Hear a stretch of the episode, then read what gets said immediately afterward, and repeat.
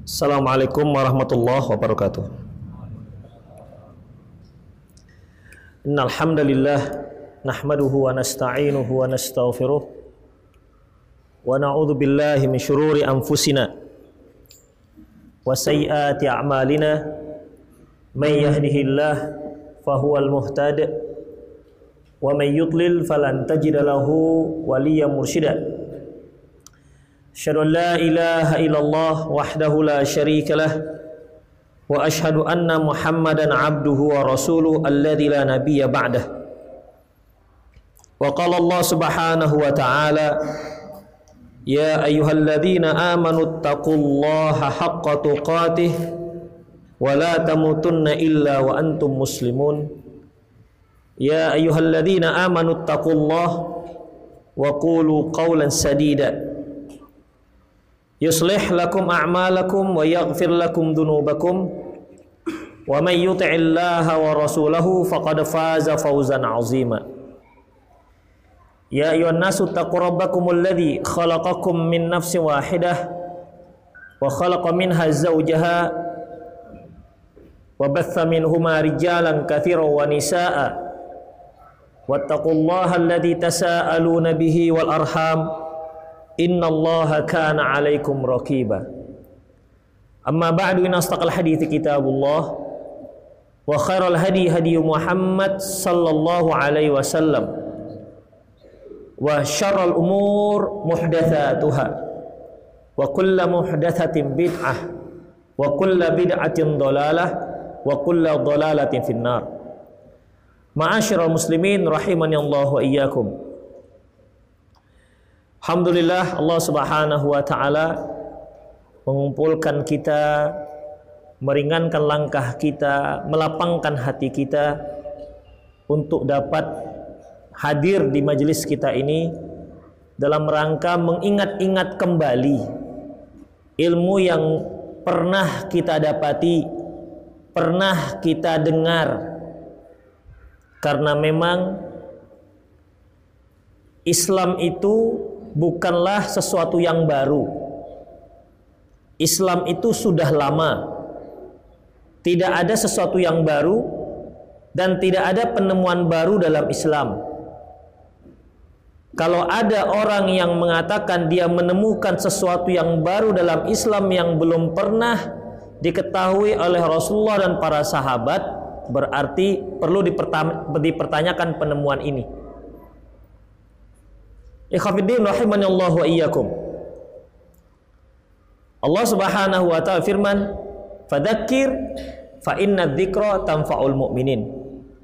Berilah peringatan, ingatkanlah fa inna dzikra tanfa'ul mu'minin. Sesungguhnya peringatan itu, mengingatkan itu akan bermanfaat untuk orang-orang yang mukmin. Ikhwatifiddin, para hadirin hadirat rahimani Allah wa iyyakum. Allah Subhanahu wa taala firman, "Wa ma khalaqtul jinna wal insa illa liya'budun." Ayat yang sudah sangat sering kita dengar. Dan saya yakin pun kita sudah sangat hafal. Wa ma khalaqtul jinna wal insa illa liya'budun. Apa artinya para ikhwah? Tidak aku ciptakan jin dan manusia kecuali hanya untuk beribadah kepadaku kata Allah. Aili wahidun yaitu untuk mengesahkan Allah dalam peribadatan. Hanya ini tujuan Allah menciptakan manusia, tidak untuk yang lain. Oleh karena itu sebagai manusia kita harus tahu permasalahan ini. Kita itu diciptakan Allah hanya untuk beribadah, tidak untuk yang lain. Kemudian kita perlu ketahui apa yang dimaksud ibadah di sini. Apakah kita maksudnya diciptakan Allah untuk sholat terus di masjid 24 jam kita habiskan waktu kita untuk sholat atau bervariatif ibadahnya Habis sholat baca Quran, habis baca, Quran, zikir, habis itu sholat lagi dan seterusnya. Habis untuk itu saja waktu kita atau untuk puasa terus. Ikhafiddin rahimani Allah wa iyyakum. Kalau itulah arti ibadah, pasti kita tidak sanggup. Karena itu hanya cocok untuk malaikat. Kalau malaikat ketika Allah Subhanahu wa taala ciptakan untuk sujud mereka memang tak pernah punya keinginan untuk bangkit dari sujud. Itulah dia. Kalau Allah ciptakan malaikat untuk ruku, itu malaikat takkan pernah bangkit dari ruku dan takkan pernah punya keinginan untuk bangkit dari ruku. Kalau Allah ciptakan malaikat untuk berzikir, itu malaikat takkan pernah bosan dari berzikir kepada Allah Subhanahu wa taala. La yaftar, mereka tak pernah merasa bosan. Terus itu malaikat. Malaikat bukan manusia. Kita manusia. Wa ma khalaqtul jinna wal insa illa liya'budun. Tidak aku ciptakan jin dan manusia kecuali hanya untuk beribadah kepadaku. Kita manusia, bukan malaikat. Ciptaan manusia juga bukan ciptaan malaikat. Kalau manusia diciptakan dari dari tanah, kalau malaikat diciptakan dari dari cahaya. Allah tidak ciptakan malaikat itu punya hawa nafsu. Kita diciptakan Allah punya hawa nafsu. Dalam surat Yusuf Allah sebutkan, Innan nafsa la ammaratum bisu. Sesungguhnya hawa nafsu senantiasa menyuruh seseorang untuk berbuat buruk. Ammarah yaitu siroh mubalaghah, artinya berlebihan. Berlebihan. Ditambah lagi dengan lam taukid penegas. Sesungguhnya hawa nafsu senantiasa menyuruh manusia untuk berbuat buruk. Itulah hawa nafsu. Kalau dalam bahasa Arab doribun itu ya orang yang memukul. Darabun tukang pukul. Artinya dia sering mukul. Kalau pukul sekali, dua kali itu daribun, seorang yang memukul. Tapi kalau derabun, tukang pukul. Amiratun, amirah yang memerintahkan, ammarah senantiasa menyuruh. Makanya selama kita hidup selama selama nyawa kita masih dikandung badan kita terus bergolak melawan hawa nafsu kita, mengendalikan hawa nafsu. Beda dengan malaikat. Malaikat tak punya ini. Ya, malaikat tidak punya seperti ini. Dalam beribadah, manusia perlu perjuangan. Kenapa? Karena adanya bisikan-bisikan untuk menentangnya. Kalau kita lihat ikhwafiddin, kecenderungan orang-orang manusia sesuatu yang diperintahkan kecenderungannya untuk tidak dilaksanakan. Sesuatu yang dilarang kecenderungannya untuk dilaksanakan itulah dia. Dan memang sifat ini sudah ada. Ketika Allah Subhanahu wa taala menciptakan Nabi Adam alaihissalam. Allah berfirman, "Wa idh lil mala wa qulna ya Adam uskun anta wa zaujukal jannata wa kula minha ragadan haitsu syi'tuma wa la taqraba. Hadhihi syajarah fatakuna minadh dhalimin kami berkata kepada Adam ya Adam silahkan kamu tinggal di surga ini kamu dan istrimu. Kamu dan istrimu. Ragadan haitsu syi'tuma silahkan ke mana saja kamu mau di surga ini. Tapi wala taqraba wala taqraba tapi kalian berdua Hadi syajarah jangan dekati satu pohon ini. Fatakuna minadh zalimin. Maka kalian akan termasuk orang-orang yang zolim. Semua pohon, semua buah, semua tempat silakan kalian datangi. Tapi satu ini jangan. Satu pohon ini jangan kalian dekati. Kira-kira yang buat penasaran Nabi Adam pohon-pohon itu semua yang begitu banyak atau yang pohon yang dilarang ini? Yang dilarang kan? Sampai sekarang kita punya sifat seperti itu. Begitu banyak pohon di surga, begitu banyak buah-buahan, begitu banyak tempat yang indah-indah. Allah hanya Allah hanya mengingatkan jangan dekati satu pohon, satu aja nggak banyak-banyak, masya Allah, satu aja. Fatakuna minal zalimin. Kalau kamu dekati ya Adam, kamu akan termasuk orang yang zalim. Karena kalau sudah dekat akan tergoda. Makanya Allah Subhanahu wa taala mengatakan, "Wala taqrabuz zina innahu kana fahishatan wa sabila." Jangan kamu mendekati zina. Itu merupakan perbuatan yang keji dan jalan yang buruk. Allah sebutkan jangan dekati perzinahan. Karena kalau sudah dekat umumnya terperosok dalam perzinahan. Demikian juga Nabi Adam alaihissalam bersama ibunda kita Hawa. Jangan kalian berdua dekat pohon ini, jangan. Yang lain silakan. Tapi ternyata dekat juga. Itu dia. Dekat juga. Penasaran. Ingin tahu kenapa kok ini dilarang. Di samping lagi ditambah dengan setan. Tuh, itu itu kalau kamu kalau kamu makan tuh buah, kamu akan kekal di dalam dalam surga. Jadi ada keinginan penasaran, kemudian adanya bisikan. Itulah dia ikhwatiddin.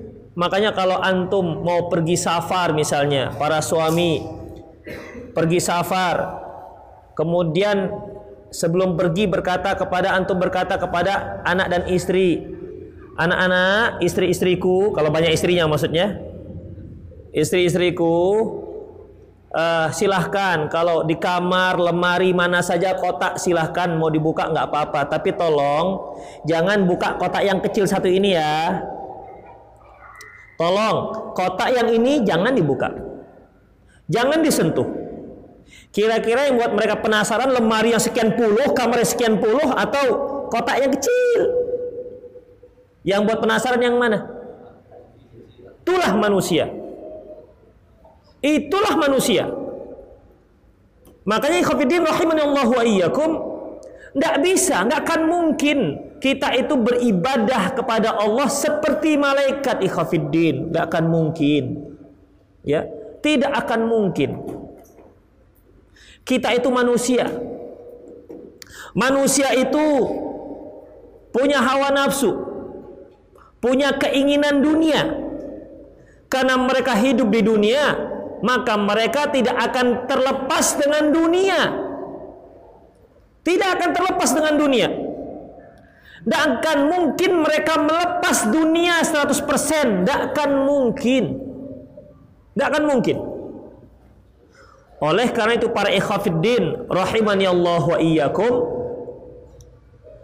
Allah tidak pernah memuji orang yang menghabiskan waktunya semata untuk zikir, untuk sholat, untuk puasa. Enggak. Tapi Allah subhanahu wa ta'ala memuji seorang yang berdagang. Tetapi perdagangannya tak membuat lalai dari mengingat Allah subhanahu wa ta'ala. Allah berfirman, rijalun la tulhihim tijaratu wala bay'un an dzikrillahi wa iqamis salati wa itaiz zakah yakhafuna yawman tataqallabu fihi alqulub wal absar kaum laki-laki di mana perdagangannya transaksinya tidak melalaikan mereka dari berzikir kepada Allah dari menegakkan salat dari membayar zakat. Mereka takut pada hari mata terbelalak. Maksudnya pada hari kiamat kelak. Jadi di sini yang berdagang bukan orang yang habis waktunya untuk sholat, enggak. Laki-laki yang berdagang. Tapi perdagangannya itu tidak membuat dia lalai dari sholat. Dagang memang harus dagang. Namanya juga dia manusia, bukan malaikat. Manusia itu punya punya apa namanya kebutuhan makan, minum, beristri, keinginan punya anak, rumah, sandang, pangan, papan dan seterusnya. Itu semua harus dia cari. Harus dia cari. Gak bisa dia dalam zikir subhanallah, subhanallah, subhanallah. Ting. Datang ayam penyet. Subhanallah, subhanallah itu rumah. Ini bukan Aladin. Ya. Bukan dongeng. Ini nyata. Kita hidup di dunia nyata, ikhafidin. Dia sholat 12 rakaat, 30 rakaat, tiba-tiba begitu buka pintu lemari, emas dalam lemari. Tidak begitu. Dia harus ada usaha. Kalau mau makan, dia harus cari usaha. Dapat, baru dia bisa menyediakan makanan, minuman untuk diri yang keluarganya. Rumah untuk keluarganya. Makanya para nabi, orang yang paling suci di muka bumi ini, yang Allah jadikan sebagai utusan untuk seluruh umat manusia. Mereka juga makan, mereka juga minum, mereka juga berdagang, mereka juga berusaha, mereka juga punya istri, mereka juga punya anak. Itu orang paling suci. Makanya dahulu ada orang-orang yang tidak beriman dengan Rasul yang diutus, alasan mereka seperti ini. Malihadar rasul malihadar rasul yakulu ta'ama wa yamshi fil aswaq. Ini utusan Allah macam apa seperti ini? Masa mereka makan dan mereka juga jalan-jalan di pasar dagang. Maunya mereka itu utusan adalah malaikat yang nggak makan-makan yang nggak dagang-dagang. Nggak akan bisa kita tiru. Nggak akan bisa dalam ayat lain disebutkan ya'kulu mimma ta'kuluna yashrabu mimma tashrabun. Ini rasul, utusan Allah. Dia makan apa yang kalian makan dan dia minum apa yang kalian minum. Rasul macam apa ini? Itu alasan saja sebenarnya untuk menolak utusan Allah Subhanahu wa taala. Padahal Allah mengutus rasul itu ya, Allah mengutus rasul fungsinya agar manusia itu bisa mencontoh. Karena wa ma khalaqtul jinna wal insa illa liya'budun. Tidak aku ciptakan jin dan manusia kecuali hanya untuk beribadah. Bagaimana cara beribadah? Ini kan perlu standar. Allah turunkan wahyu yaitu Al-Qur'an. Kalau sebelumnya Zabur, Taurat, Injil. Bersamaan dengan itu Allah utus para rasul untuk mengimplementasikan kitab-kitab yang diturunkan itu supaya bisa menjadi model ataupun contoh bagaimana cara melaksanakan kitab itu sebagai penjelas terhadap kitab tersebut. Seperti Rasulullah Shallallahu Alaihi Wasallam diutus Allah untuk menjelaskan Al-Quran Qad kana lakum us qad lakum fi Rasulillahi uswatun hasanah. Sesungguhnya pada diri Rasulullah itu ada suri tauladan yang baik bagi kalian. Nabi Ibrahim juga disebut seperti itu. Qad kana lakum uswatun hasanatun fi Ibrahim.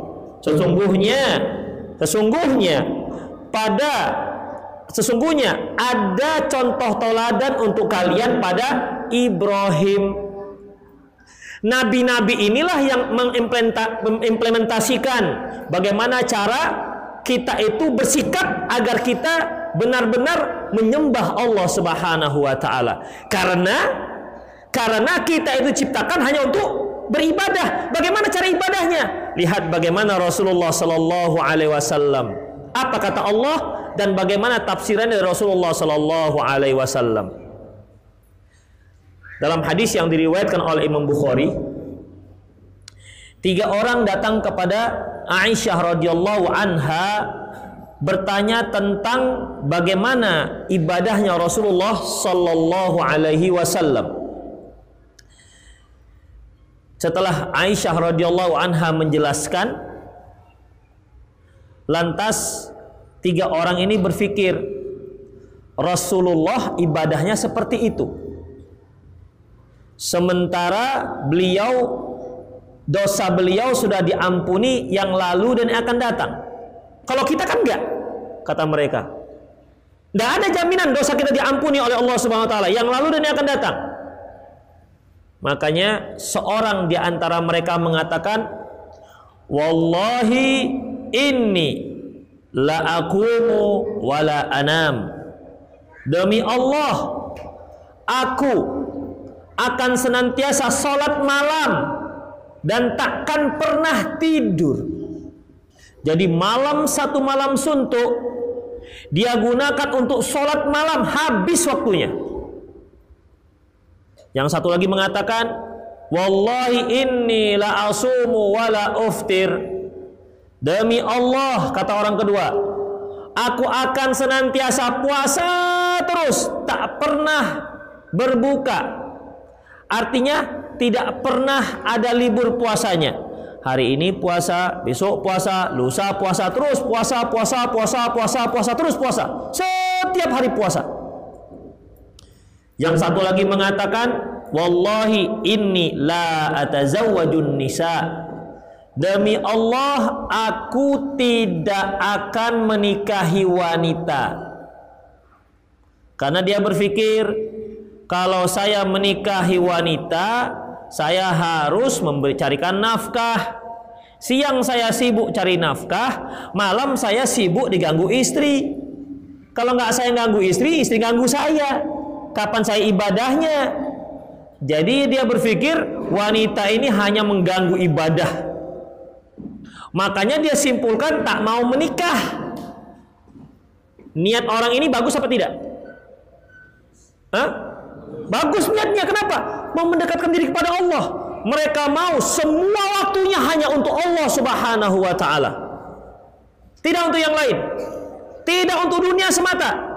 Habis dunianya, semua untuk Allah Subhanahu wa taala.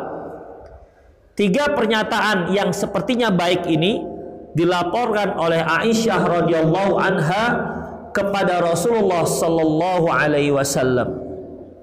Lantas apa kata Rasulullah? Apakah Rasulullah memberi apresiasi, memberikan jempol atau bahasa sekarang di like, like, like, like, like kalau Facebook?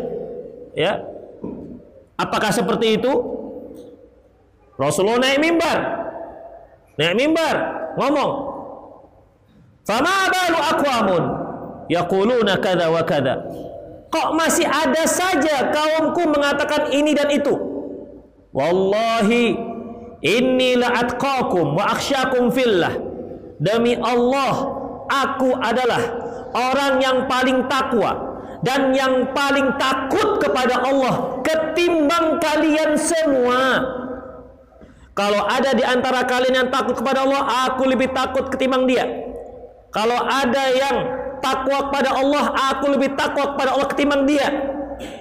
Ini kata-kata kunci ini. Tidak ada orang yang lebih takut dan lebih takwa kepada Allah melebihi takutnya dan takwanya Rasulullah SAW kepada Allah. Walakinni namun begitu kata Rasulullah aku mu wa anam. Namun begitu pun aku sholat malam dan aku juga tidur.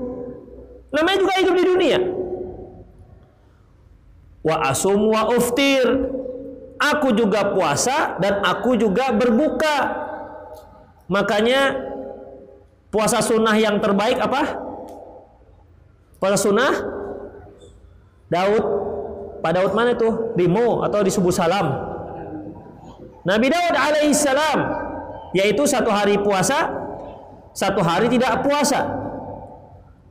Kemudian wa atazawwajun nisa, aku juga menikahi wanita.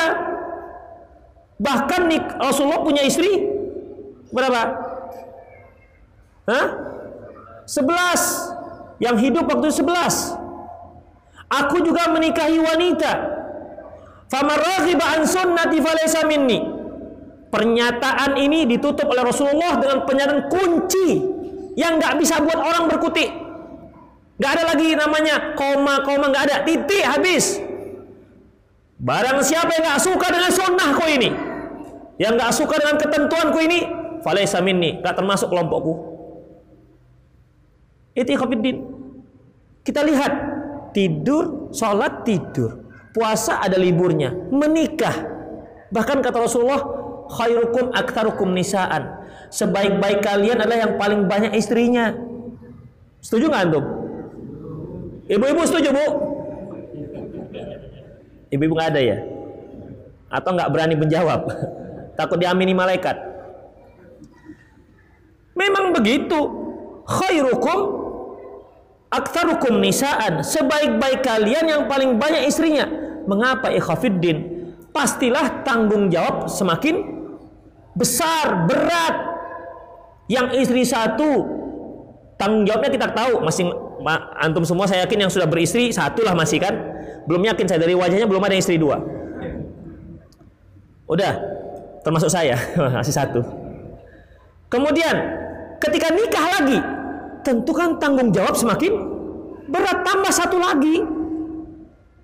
Finansial harus semakin kuat mental juga harus semakin kuat kemudian fisik juga harus semakin kuat kenapa? tanggung jawab sudah dua istri kalau masing-masing istri punya anak lima sepuluh Masya Allah itu ya tanggung jawabnya makanya semakin besar tanggung jawabnya dan dia bertanggung jawab wajar kalau dia semakin semakin mulia di sisi Allah SWT ketimbang yang punya istri satu. Tapi kalau dia nggak adil, nggak bertanggung jawab, sengit jalannya. Sengit jalannya nanti di hari akhirat. Itu ikhwafiddin. Ya sebenarnya orang yang istri satu pun kalau dia zolim, berdosa juga. Sama ikhwafiddin. Ya, tapi dia nggak ada cita nggak adil di situ. Kenapa? Adil itu kalau ada dua, ada yang nimbang. Satu apa yang harus ditimbang kan? Paling zolim dan tidak zolim bertanggung jawab dan tidak bertanggung jawab. Itu ikhwatiddin. Kalau kita lihat apa yang disebutkan Rasulullah. Aku tidur, aku juga sholat malam. Aku juga puasa, aku juga libur. Aku juga menikah. Ini kan cocok untuk manusia. Ya. Sesuai dengan kondisi manusia yang hidup di dunia dan itu yang namanya hamba Allah. Ya. Bukan pernyataan yang tiga orang tadi, ikhwatiddin. Karena apa? Pasti dia tidak akan sanggup dan dia sudah mengabaikan dunianya sementara dia hidup di di dunia. Makanya ikhwatiddin rahimani Allah wa iyyakum. Salah satu kasih sayang Allah Subhanahu wa taala kepada kita yaitu diutusnya rasul. Supaya kita nggak bingung gimana kita menghid apa namanya men men menjalani kehidupan dunia ini.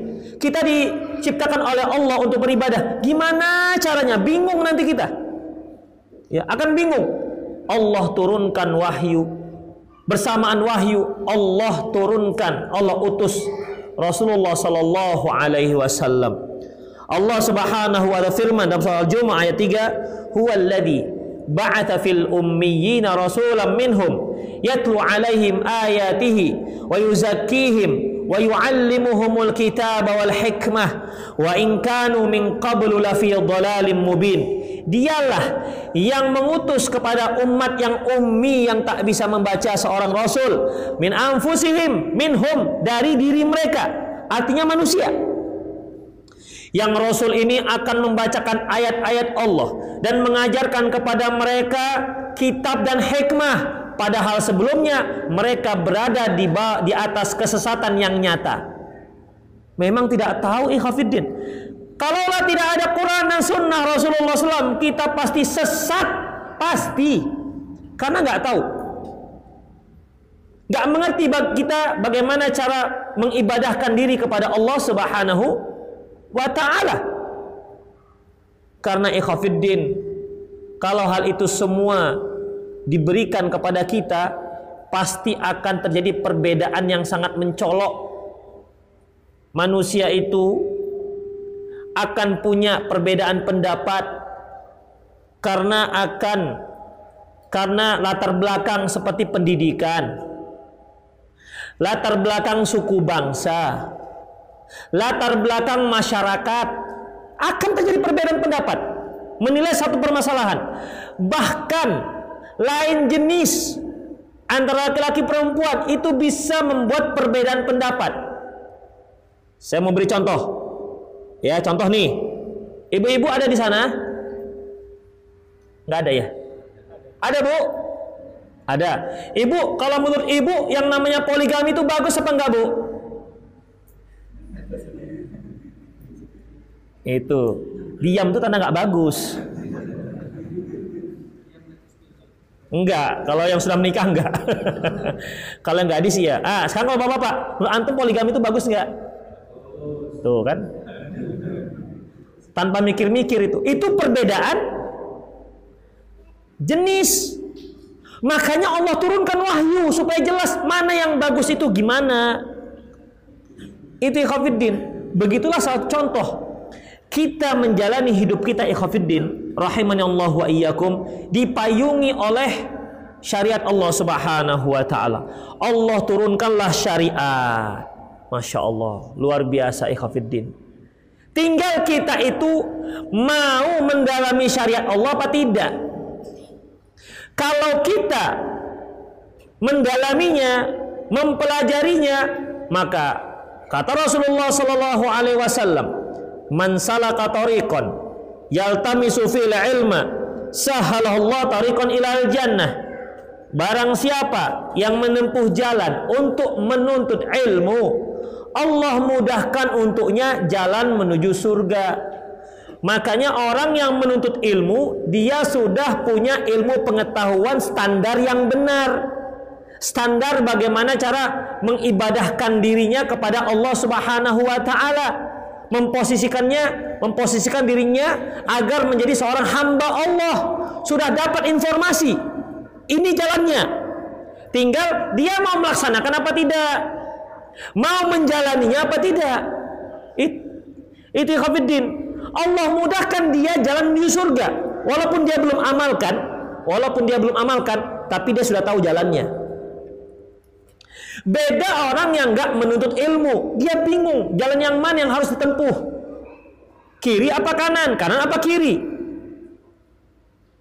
Sementara manusia itu punya hawa nafsu yang senantiasa menyuruh dia berbuat buruk. Di samping itu ada faktor eksternal iblis yang senantiasa menggoda dia untuk berbuat buruk. Sehingga bisa saja jalan menuju menuju neraka itu terlihat sangat indah sementara jalan menuju surga terlihat sangat menyeramkan dan mengerikan. Itulah ikhwafiddin. Kalau dia menuntut ilmu, paling tidak dia sudah tahu oh ini jalannya. Tinggal mau nggak dia tempuh. Kalau dia nggak mau dia, kalau dia nggak mau menempuh, nggak akan sampai ke ujung jalan yaitu surga. Hanya nengok-nengok saja orang lewat.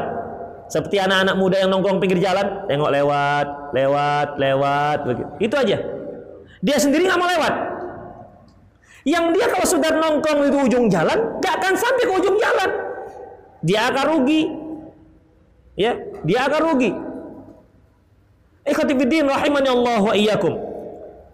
Oleh karena itu, ya, Allah Subhanahu wa taala utus seorang rasul. Dan rasul ini yang Allah sebutkan hamba. Hamba yang menjadi contoh. Allah sebutkan dalam surah Al-Baqarah wa in kuntum fi raibim mimma nazzalna ala abdina fa'tu bi suratim mim mithlih. Kalau kalian ragu terhadap apa yang kami turunkan kepada hamba kami ini silahkan kalian buat satu tandingan satu surat saja seperti Al-Quran. Hamba kami yang dimaksud siapa ya Khafiddin Rasulullah Sallallahu Alaihi Wasallam. Allah sebutkan hamba Allah juga menyebutkan Subhanalladzi asra bi'abdihi lailam minal masjidil harami ilal masjidil aqsa alladzi barakna haulah Maha suci Allah yang telah mengisrakan hambanya dari Masjidil Haram ke Masjidil Aqsa pada malam hari.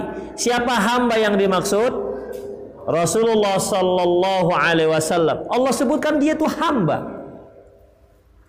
Makanya Kalau kita mau benar-benar melaksanakan tujuan diciptakannya kita sebagai hamba Allah, lihat Rasulullah sallallahu alaihi wasallam, maka kita akan menjadi hamba.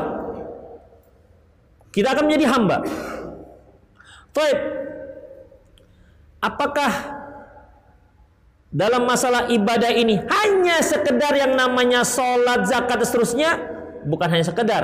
Itu merupakan sebuah ibadah. Tapi bukan seluruh ibadah. Dalam masalah ibadah ini Rasulullah katakan, "Sallu kama ra'aitumuni usolli." Salat kalian sebagaimana kalian melihat aku salat, jangan macam-macam. Kalau aku ruku dulu baru sujud, ruku i'tidal baru sujud, kalian jangan pula sujud i'tidal suku. Gak akan diterima. Ya, karena caranya seperti itu. Khudhu anni manasikakum. Ambil dariku bagaimana cara beribadah, melaksanakan ibadah haji dan umroh. Itulah dia. Jangan buat-buat sendiri. Supaya ibadah kita diterima oleh Allah Subhanahu wa taala. Demikian juga ikhwatiddin. Masalah yang lain yaitu haji, puasa. Lihat bagaimana Rasulullah mempraktekkannya. Jangan buat-buat sendiri. Itu ibadah mahdoh. Bagaimana dengan kita kan manusia makan, minum. Apakah makan dan minum itu juga sebagai ibadah? Ya, kalau kita bisa menempatkannya sebagai ibadah. Kita manusia. Orang kafir itu juga manusia.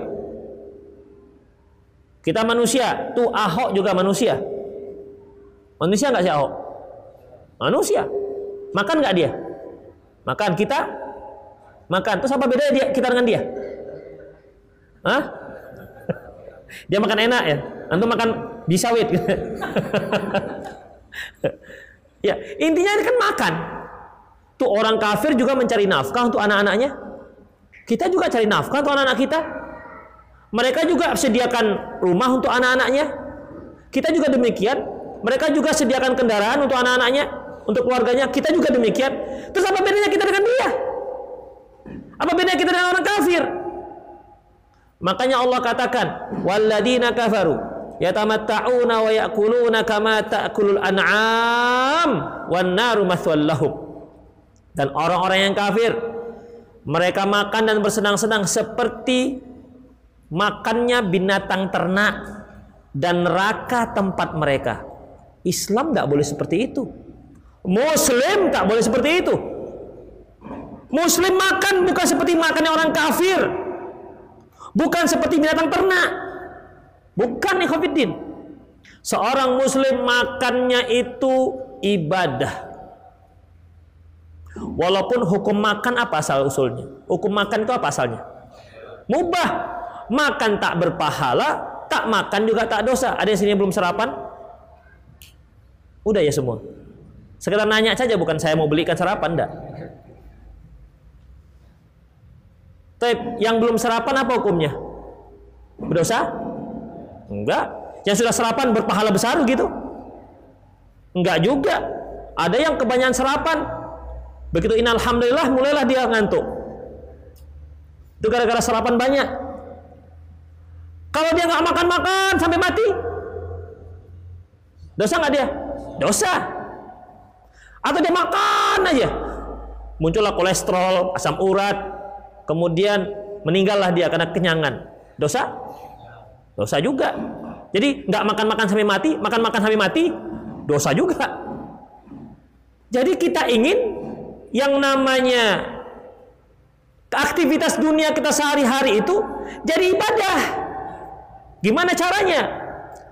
Lihat bagaimana Rasulullah makan. Lihat bagaimana Rasulullah minum. Lihat bagaimana Rasulullah berkendaraan. Lihat bagaimana Rasulullah Sallallahu Alaihi Wasallam keluar rumah. Demikian ikhwatiddin. Sehingga aktivitas kita sehari-hari itu menjadi ibadah. Jadi ibadah itu bukan hanya sholat, zakat, puasa, baca Quran, zikir. Bukan hanya itu ikhwatiddin. Ya, misalnya ini kita makan. Kita niatkan ya Allah, saya ini makan. Makan ini supaya saya kuat untuk mencari nafkah dan itu merupakan kewajiban saya sebagai suami. Antum makannya itu menjadi pahala. Karena niatnya baik, bukan sekedar ya Allah makan kenyang. Selesai. Enggak, bukan hanya itu ya Karena seorang muslim itu dia makan itu ya untuk hidup. Dia makan itu untuk menyokong dia supaya hidup. Hidupnya ini dia tujukan untuk beribadah kepada Allah Subhanahu wa taala. Beda dengan kambing. Kambing itu memang dia hidup untuk makan. Kalau dia sudah gemuk, dipotong. Apa kita juga makan-makan gemuk dipotong? Tidak akan ada mau beli. Ikhafiddin, kalau kita hidup untuk makan, maka wallahi binatang ternak itu lebih mulia dibandingkan kita. Contoh ini, misalnya. Antum punya kambing, selera makan kambing, kasih makan, kasih makan, kasih makan, kasih pelet, gemuk kambingnya. Lewat kambing antum yang gemuk besar itu. Orang akan tanya, itu kambing siapa? Yang punya kambing makan? Kambing saya itu. Bangga nggak? Bangga nggak? Bangga? Nggak bangga? Nggak bangga itu kambing antum? Enggak bangga. Toib, antum punya istri kasih makan makan gemuk. Lewat istri antum, itu istri siapa? Mbok nggak tahu. Begitu itu beda kan? Ya kan? Berbeda. Makanya kita itu hidup bukan untuk makan. Yang istri juga begitu. Kalau punya suami makan suka makan makan gemuk begitu sampai lehernya nggak ketahui mana pala mana leher nggak tahu lagi. Udah. Dia juga gengsi ini. Aduh suamiku ini gimana begitu. Kok jadi nggak bisa dibedakan mana mana balon mana dia? Nggak tahu mana mana kepala, mana badan, mana kaki. Itu khafiddin rahimani Allah. Tapi kalau itu binatang ataupun hewan, gemuk, masya Allah, yang punya bangga. Ya, semakin gemuk semakin bangga. Itulah ikhafidin. Itulah bedanya kita. Makanya kita jangan sama seperti hewan-hewan yang lain. Kita itu makan untuk hidup. Kita bisa hidup hidup kita ini kita gunakan untuk ibadah kepada Allah Subhanahu wa taala, melaksanakan kewajiban-kewajiban kita sebagai manusia. Ya, melaksanakan kewajiban kita sebagai manusia. Sebagai suami, sebagai kepala rumah tangga, sebagai ayah dari anak-anak, sebagai salah seorang dari elemen masyarakat. Oleh karena itu, Islam mengatur itu semua. Gimana kita dengan masyarakat, gimana kita dengan istri, gimana kita dengan anak-anak.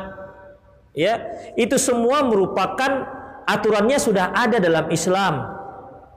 Sudah ada dalam Islam. Kalau kita laksanakan aturan itu, kita berarti sedang ibadah kepada Allah Subhanahu wa taala. Wa iyyakum. Seperti ketika kita berinteraksi. Perhatikan. Kita berinteraksi dengan orang. Interaksi kita ini biasa dengan bicara.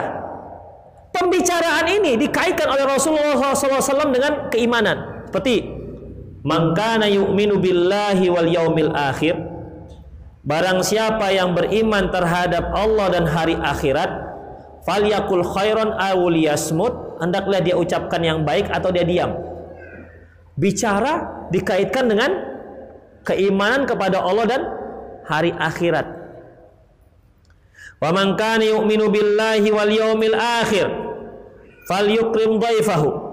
Dan barang siapa yang beriman terhadap Allah dan hari akhirat, hendaklah dia muliakan tamunya. Tuh. Interaksi dengan manusia Rasulullah kaitkan dengan iman kepada Allah dan hari akhirat. Wa man kana yu'minu wal yawmil akhir falyukrim jarahu. Barang siapa yang beriman terhadap Allah dan hari akhirat, hendaklah dia muliakan tetangganya. Muliakan tetangganya kan muamalah interaksi dengan orang lain. Ternyata ketiga hal ini dikaitkan dengan beriman terhadap Allah dan hari akhirat. Makanya kalau ada seorang yang bermasalah dengan tetangganya, tidak menghormati tamunya, kalau ngomong asal bicara, tandanya imannya kepada Allah dan hari akhirat itu tipis. Itu khafiddin. Makanya Allah katakan, Wa qul ibadi yaqulu. Katakan kepada hambaku agar mereka mengatakan yang baik. Inna syaitana yanzaghu bainahum. Karena sesungguhnya setan itu merusak hubungan di antara kalian. Inna syaitana kal insani aduwwam mubina. Karena sungguhnya setan itu musuh yang paling nyata. Setan ini nanti akan kita bahas Pak di di kajian nanti malam. Terkait dengan kajian kita pagi ini juga. Ikhwatifidin rahimanallah. Kita perhatikan. Ya kita perhatikan, Islam mengatur itu semua. Seorang Yahudi datang kepada Salman Al Farsi. Dia berkata, teman kalian itu mengatur semuanya, semuanya ya? Kata Salman Al Farsi radhiyallahu anhu, ajal ya. Sampai beliau mengajarkan bagaimana cara duduk di WC. Bagaimana cara duduk di WC? Nuhina an nastaqbil kiblah. Kami dilarang untuk menghadap kiblat wa dan membelakangi kiblat di saat buang hajat. Wa nuhina an yamin. Kami juga dilarang istinja dengan tangan kanan tuh. Masalah cebok aja pun istinja diatur oleh agama Islam. Apalagi masalah keyakinan. Ikhwafiddin. Makanya kita sebagai manusia ya, kita tempatkan posisi kita sebagai manusia. Caranya kita pelajari syariat Allah Subhanahu wa taala. Kita pelajari akidah yang benar, akhlak yang benar. Itu semua hanya kita dapat dari Quran dan sunnah Rasulullah sallallahu alaihi wasallam. Itulah ikhwatiddin rahimani Allah wa iyyakum. Baik. Kita diciptakan Allah untuk ibadah. Kemudian agar kita mengerti bagaimana cara beribadah. Mengerti bagaimana kita melaksanakan tujuan diciptakannya kita, Allah turunkan syariat. Allah turunkan Al-Qur'an dan Allah utus seorang nabi untuk mengimplementasikan Al-Qur'an tersebut supaya kita menjadi seorang yang beribadah kepada Allah Subhanahu wa taala. Rasulullah ajarkan keyakinan, Rasulullah ajarkan muamalah, Rasulullah ajarkan ibadah, bahkan Rasulullah ajarkan akhlak supaya semua aktivitas kita itu menjadi ibadah kepada Allah Subhanahu wa taala. Contoh seperti makan tadi. Rasulullah mengajarkan kita bagaimana cara makan. Di antaranya pakai baca bismillah Makan pakai tangan kanan. Ketika seorang anak datang kepada Rasulullah, dia tiba-tiba mau ngambil makanan yang dihidang. Rasulullah pegang tangannya. Rasulullah katakan, "Ya gulam, kul kul samillah wa kul wa kul biyam uh, samillah wa kul biyaminik wa kul mimma yalik." Wahai anak, ucapkan bismillah. Kemudian makalah dengan tangan kanan dan ambil yang di dekatmu. Ini kan pengajaran ikhwatiddin. Ini semua merupakan pengajaran. Dalam hadis yang lain disebutkan sesungguhnya anak tadi itu, sesungguhnya aku memegang tangan anak itu dan di tanganku itu juga ada setan. Jadi setan itu ingin makan bersama orang yang makan tidak pakai bismillah. Oleh karena itu Rasulullah ajarkan supaya kita makannya menjadi ibadah. Rasulullah katakan la yaqulanna ahadukum biyaminihi la yaqulanna ahadukum bishimalihi wa la yashrabanna biha fa inna syaitan ya'kul wa yashrabu biha.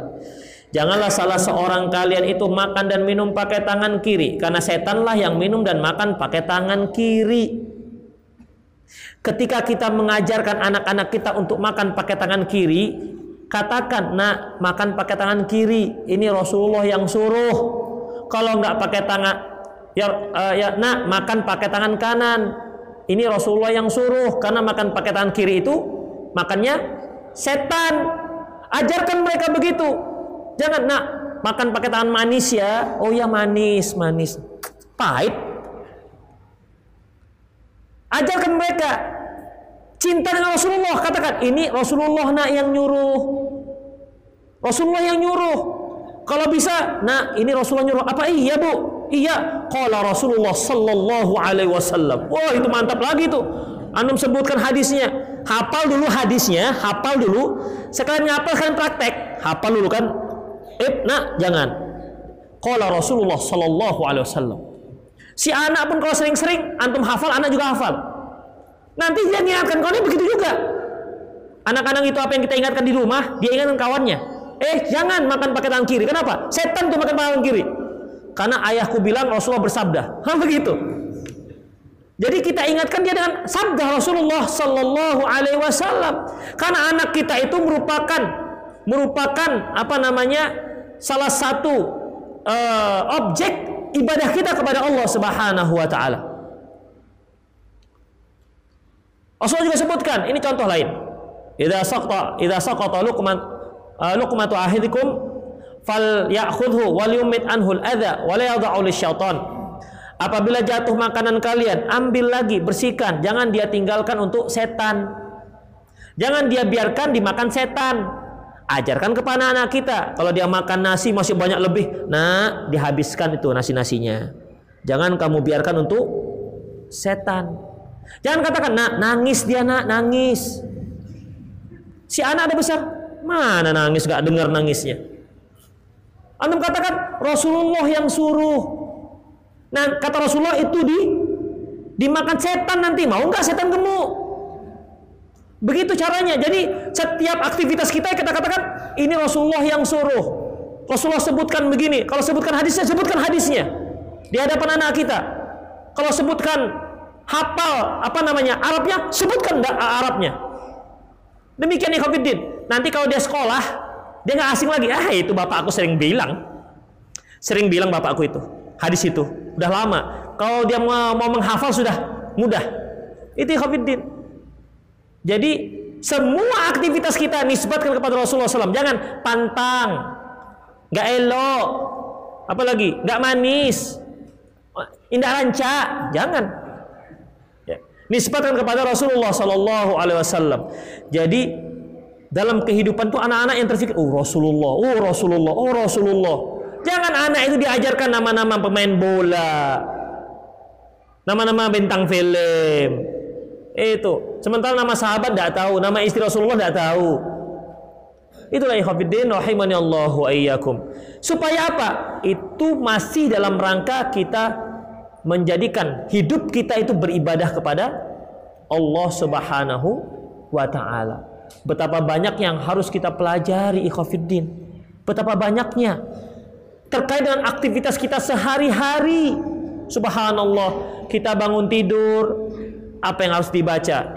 Memakai pakaian, apa yang harus dibaca supaya pakaian itu kita menjadi ibadah. Hari-hari kan kita berpakaian. Nah, coba sebutkanlah apa doa berpakaian. Yang bisa menjawab boleh pulang. Ya. Doa berpakaian. Hari-hari kita berpakaian. Iya kan? Apalah doanya? Ya. Masya Allah Pak, boleh pulang Pak silakan. Udah boleh pulang. Demikian ikhafidin. Jadi pakaian kita jadi ibadah, masya Allah. Hari-hari kita pakaian nggak jadi ibadah kan sayang. Setiap harinya kita kita berpakaian, tapi tidak ibadah dan ada ibadahnya.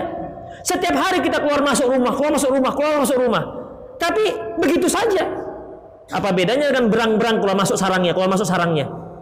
Kita tuh muslim. Kita ciptakan Allah untuk ibadah. Tidak sama dengan berang-berang. Dengan ayam gitu kan. Keluar keluar keluarnya pagi, nanti pulang malam, sore. Kita tuh manusia ya Khafiddin. Rasulullah ajarkan supaya keluar kita itu benar-benar jadi ibadah. Ada doa keluar rumah. Ini kan doa keluar rumah ini sudah sudah semenjak TK kita hafal. Iya kan? Ibu hafal nggak doa keluar rumah, Bu? Ini sengaja saya seperti ini supaya ibu-ibu nggak ngobrol atau nggak ngantuk. Jangan sampai telentang di situ. Apa bu? Doa keluar rumah bu? Tuh kan ibu nggak tahu. Atau pemalu ya ibu-ibu Rimo pemalu. Apa sih doa keluar rumah? Bismillahirrahmanirrahim. Ini kan doa yang sudah kita hafal sejak kecil dulu. Tapi ikhafidin rahimani Allah wa iyyakum perhatikan.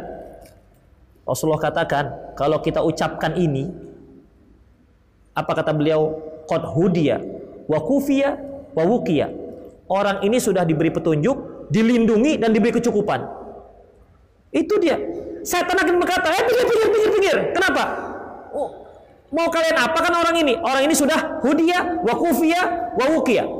Sudah diberi petunjuk, sudah dilindungi dan juga diberi kecukupan. Gak bisa lagi kamu kalian goda dia.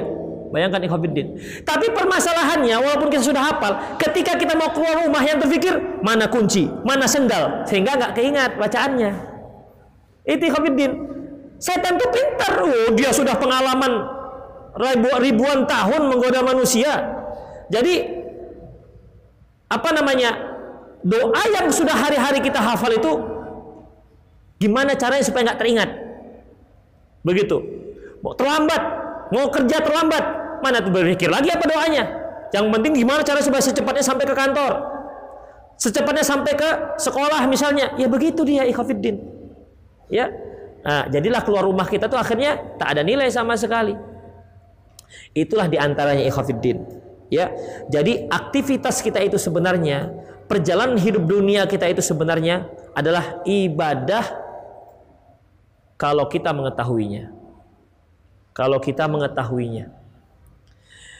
Kemudian ikhwafiddin, perlu juga sini saya ingatkan bahwasanya syariat yang Allah turunkan kepada kita untuk membimbing kita agar menjadi insan yang beribadah kepada Allah karena hanya untuk itu kita diciptakan ketahuilah bahwasanya syariat itu mudah tidak ada satupun yang sulit tidak ada satupun yang sulit yang ada antara yang rajin dan yang malas itu aja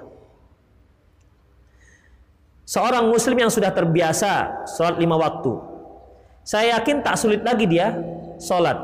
Tapi coba tanyakan kepada orang-orang yang muslim yang sampai sekarang sholatnya bolong-bolong.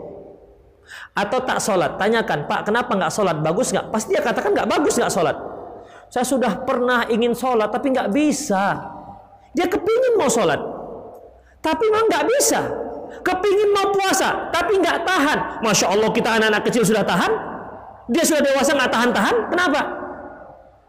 Apakah karena dia lebih apa namanya uh, dia dikarenakan anak kecil ini lebih lebih kuat dibandingkan dia ya tentu tidak. Itu bukan dikarenakan syariatnya yang sulit, tapi kitanya yang malas dan tak membiasakan diri untuk taat. Seorang muslim yang terbiasa sholat tahajud ya itu dia mudah bangunnya. Yang tak terbiasa sholat tahajud sudah tiga alarm dihidupkan supaya sholat tahajud. Begitu bangun satu hidup satu matikan. Bangun yang kedua matikan. Yang ketiga matikan susah mau bangun tapi kalau alarm untuk nengok World Club main bola jam 3 bangun dia duluan bangun dibandingkan jam bekernya kenapa bisa kenapa kok bisa tandanya sebenarnya bangun malam itu kita bisa apa saja yang ada dalam syariat ini kita bisa melakukannya. Tapi apa namanya? Keinginan kuat kita itu tidak ada. Malas. Ikhfiddin. Kenapa kok sebagian orang mudah setiap kali hayya 'alal shalah mudah melangkahkan kakinya ke masjid. Tapi tuh banyak sekali orang-orang yang hayya 'alal shalah dia kepingin ke masjid tapi kok nggak sempat kakinya ini berat sekali. Seolah-olah dia sedang kalau sudah hayal sholat itu berat mengangkat kakinya untuk ke masjid. Padahal masjid hanya sekitar 100 meter dari rumahnya. Tapi kalau kalau diajak naik naik Gunung Sibaya, naik Gunung Sinabung, masya Allah dia yang pertama mengibarkan bendera di puncak Gunung Sibaya. Kenapa kau sanggup? Itu jalannya naik lagi. Ini jalan datar. Kenapa bisa? Tandanya kan itu keimanan ikhwafiddin. Makanya tidak ada syariat yang rumit, sulit. Susah kali emang. Berat pergi ke masjid. Berat apanya sekarang? Berat jalannya. Mau pergi ke masjid harus naik gunung turun gunung, me, apa namanya menyeberang sungai begitu. Kan enggak juga. Itulah ikhafiddin. Ya, itulah dia. Itulah perjalanan hidup kita. Ya. Itulah perjalanan hidup kita ikhwatifiddin rahimani Allah wa iyyakum. Baik, kemudian Allah Subhanahu wa taala menciptakan kita untuk ibadah, diturunkan wahyu, diutus rasul supaya kita benar-benar menjadi orang yang beribadah kepada Allah dan Allah turunkan syariat yang mudah Tidak ada yang sulit. Ya. Tidak ada yang sulit dalam syariat ini. Bahkan kalau kita banding-bandingkan dengan syariat sebelumnya, jauh lebih mudah syariat Islam dibandingkan syariat Nabi Musa. Kalau pada syariat Nabi Musa mau tobat saja, itu syaratnya berat sekali. Allah berfirman tentang perkataan Nabi Musa, "Wa idh qala Musa liqaumihi, ya qaumi innakum dhalamtum anfusakum bittikhadikumul ijla fatubu ila bari'ikum faqatulu anfusakum. Dzalikum khairul lakum inda bari'ikum fataba alaikum. Ketika Nabi Musa mengatakan kepada kaumnya wahai kaumku kalian telah menzolimi diri kalian sendiri karena kalian menyembah anak sapi. Maka bertobatlah kalian kepada Tuhan kalian. Caranya bunuh diri kalian. Allah akan terima taubat kalian. Kaum muslimin ada seperti itu Bapak-bapak, ibu-ibu yang mau tobat silakan bunuh diri. Allah akan terima tobat bapak dan ibu sekalian. Kira-kira berapa orang yang mau tobat nih? Oh bayangkan, berapa orang yang mau tobat? Makanya kita masya Allah bersyukur jadi umat Rasulullah Sallallahu Alaihi Wasallam. Umat Rasulullah SAW kalau mau tobat sebesar apa pun dosanya, sebesar apa pun dia tobat tobat dan nasuha, menyesal, tidak melakukan lagi, menyesal dan tidak melakukan lagi. Dan apa namanya? Dia benar-benar tidak akan mengulangi lagi perbuatan dosa yang pernah dia lakukan. Allah terima. Kalau tobatnya tobat nasuha kalau terkait dengan hak orang dia minta maaf. Terkait dengan harta orang dia pulangi harta tersebut. Jangan dia sudah curi uang orang 100 juta kemudian dia tobat yang 100 juta dia dia pendam saja. Pulangkan baru Allah terima jadi tidak ada suruh bunuh diri. Apa kata Allah dalam sebuah hadis kudus? Seandainya hambaku datang kepadaku membawa dosa sepenuh langit dan bumi, kemudian dia tobat kepadaku, akan aku akan aku ampunkan dia. Aku nggak peduli kata Allah. Tuh, nggak usah pakai bunuh diri. Nggak usah pakai bunuh diri. Coba betapa sayangnya Allah kepada umat Rasulullah Sallallahu Alaihi Wasallam. Begitu mudahnya syariat Allah Subhanahu Wa Taala Begitupun yang menjadi penghuni penghuni surga. Rasul pernah katakan, "Aku berharap umatku penghuni surga menjadi penghuni surga seperempatnya." Allahu Akbar kata para sahabat. Seperempat penghuni surga umat Rasulullah. Para umat sebelumnya kan banyak. Ya, umat Nabi Musa, umat Nabi Isa, umat Nabi Nuh, umat Nabi Ibrahim banyak sekali. Tapi seperempat isi surga itu umat Rasulullah. Dan aku berharap penghuni surga umatku yaitu setengah penghuni surga. Betapa takbir Allahu Akbar. Setengah penghuni surga umat Rasulullah SAW Allah tambah lagi. Dan aku berharap dua per tiga penghuni surga itu adalah umat Rasulullah SAW bertambah semangat di Khafidin coba bayangkan. Mudah agamanya paling banyak penghuni surganya. Coba bayangkan ikhafidin kitanya yang lepoh. Itulah masalahnya ya. Kitanya yang sering malas. Malas ini karena kurang ngaji juga sih sebenarnya. Tidak ada yang memberikan suntikan-suntikan. Malas ngaji malas dengar hadis. Ya akhirnya apa ya lemes. Lemes jadinya. Jarang-jarang bertemu dengan orang-orang soleh. Ketemu di kedai tua ya gimana mau soleh? Ketemu teman di mana? Di terminal. Ketemu teman yang dibahas. Aduh, turun harga sawit sekarang. Itu yang dibahas. Jarang-jarang bahas masalah agama. Di gimana ya sekarang? Gimana kita masa kita sudah 10 tahun ngaji, hafalan kita masih waduha aja. Kepinginnya jannatul firdausi nuzula gitu. Kepinginnya masuk neraka apa namanya? Surga firdaus, tapi hafalan nggak naik-naik. Waduha itu semenjak SD. Sudah ikut ngaji salafi juga? Gak tambah-tambah juga. Masya Allah. 10 tahun masa tidak bisa hafal juz amma? Khafiddin, perhatikan. Ini kita kalkulasi aja lah. Yang jujur-jujur saja. Kita tuh malas apa nggak bisa ngapal? Satu juz itu 20 halaman. Satu halaman berapa baris? Berapa baris? Hah? 15. Berarti Khafiddin 15 kali 20 berapa berapa baris berarti? 15 kali 20. Hah? Berapa? 300 halaman jadi 300 halaman. 300 baris. Betul nih? Iya. 300 baris dalam satu juz. Setahun berapa hari? 365 hari. Oke lah yang 65 harinya itu libur. Tinggal 300-nya. Berarti satu hari itu satu baris. Ya kan? Itu setahun. Seharusnya setahun satu baris kita ngapal. Itu satu, satu tahun satu juz. Tidak usah tahun satu juz. Kita target enam tahun satu juz. Berarti satu hari berapa baris itu? Seper berapa baris tuh? Istilahnya amma yatasaalun tutup besok lagi. Ngapal lagi? Gak bisa enam tahun satu juz. La ilaha illallah. Itu namanya kita yang nggak mau atau emang kita nggak mampu ngapal? Bayangkan satu baris bagi enam. Sama seperti alif lam mim dah titik. Besok lagi ngapal tambah. Zalika titik. Besok lagi ngapal.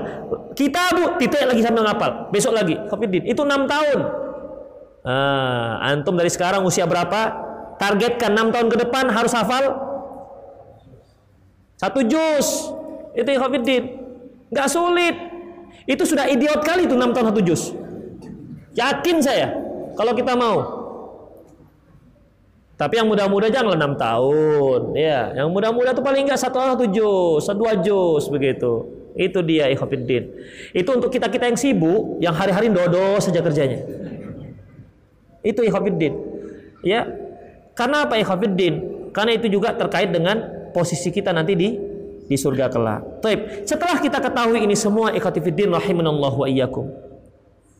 Kita berusaha menjalankannya, kemudian Allah Subhanahu wa taala mengatakan, dan inilah perjalanan hidup kita yang terakhir. Apa hasibatum annama khalaqnakum abasa wa annakum ilaina la turja'un? Apakah kalian kira kalian itu akan kami kami ciptakan begitu saja. Lantas kalian tidak dikembalikan kepada kami? Kata Allah kami ciptakan kalian untuk beribadah. Kami turunkan syariat. Semua sudah tinggal laksanakan. Lantas kalian mati. Habis ceritanya? Nggak ada cerita lain? Enggak karena kita itu bukan kambing. Kalau kambing iya Sembelih mati selesai urusannya. Kita manusia. Manusia itu ada perhitungan akhiratnya. Apa hasibatum annama khalaqnakum abasa? Apakah kalian kira kalian kami ciptakan begitu saja wa annakum ilaina la turja'un? Dan kalian tidak akan dikembalikan kepada kami? Fata'ala Allahul Malikul Haq. Ikhwatifiddin rahimani Allah wa iyyakum. Itulah perjalanan kita yang terakhir di hari akhirat. Semua yang kita lakukan semasa di dunia akan mendapat perhitungan. Perjalanan kita sampai pada titik terakhir sukses dan tidak suksesnya nanti apakah dunia, apakah surga ataukah neraka. Mulailah ada persaksian-persaksian. Allah sebutkan dalam surat Yasin. Al-yawma nakhtimu ala afwahihim wa tukallimuna aydihim Wa tashhadu arjuluhum bima kanu yaksibun. Hari ini kata Allah. Hari ini kami bungkam mulut mereka. Akan berbicara tangan mereka. Kaki mereka akan memberikan persaksian atas setiap yang pernah mereka lakukan. Ikhafiddin, tangan bicara. Kenapa kok tangan bicara? Perlu kita ketahui. Allah sebutkan dalam soal Isra ولله ما في السماوات والأرض ليجزي الذين أساءوا بما عملوا ويجزي الذين أحسنوا بالحسنى sungguh kepunyaan Allah lah semua yang ada di langit dan semua yang ada di muka bumi. Liyajziyal ladzina asa'u bima 'amilu untuk membalas orang yang berbuat buruk dengan keburukan wa ahsanu bil dan untuk memberikan ganjaran yang baik bagi setiap pelaku-pelaku kebaikan. Tangan ini sebenarnya milik Allah. Apa buktinya milik Allah ikhafiddin? Kaki milik Allah, mata milik Allah semuanya sebenarnya. Kita itu mendapat amanah untuk menjaganya. Jangan gunakan untuk perbuatan dosa. Misalnya nih, saya punya tangan nih. Tangan saya ada berapa jarinya pak? Lima. Saya katakan, ini jari tengah ini kurang berfungsi. Saya potonglah jari tengah ini. Saya potong, saya taruh betadin, saya perban. Apa hukum saya potong jari saya? Ingat, jari saya bukan jari bapak. Jari-jari saya, betadin saya beli, nggak ngutang. Perban juga saya beli sendiri kontan, nggak kredit. Gimana? Apa hukum saya potong jari tengah tengah saya? Dosa nggak? Kenapa dosa? Punya saya kok. Kecuali punya bapak. Kenapa? Milik Allah Subhanahu wa taala. Jadi nggak sembarangan nih di tangan ini tangan milik Allah.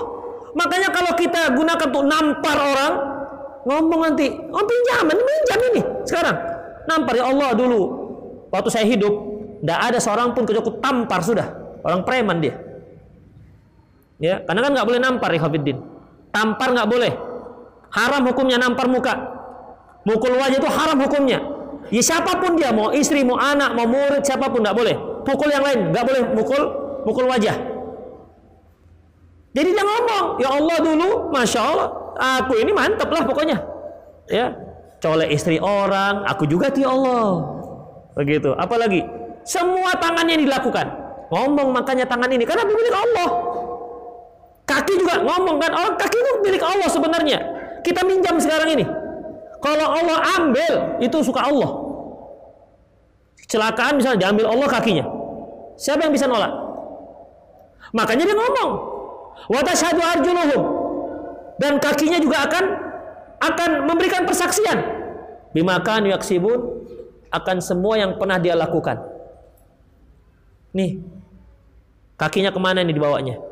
Ke mana? Apakah dia bawanya ke tempat ke tempat-tempat yang diridhoi oleh Allah? Apakah tidak? Ke masjid, ke pengajian, atau ke tempat-tempat maksiat? Kaki akan ngomong.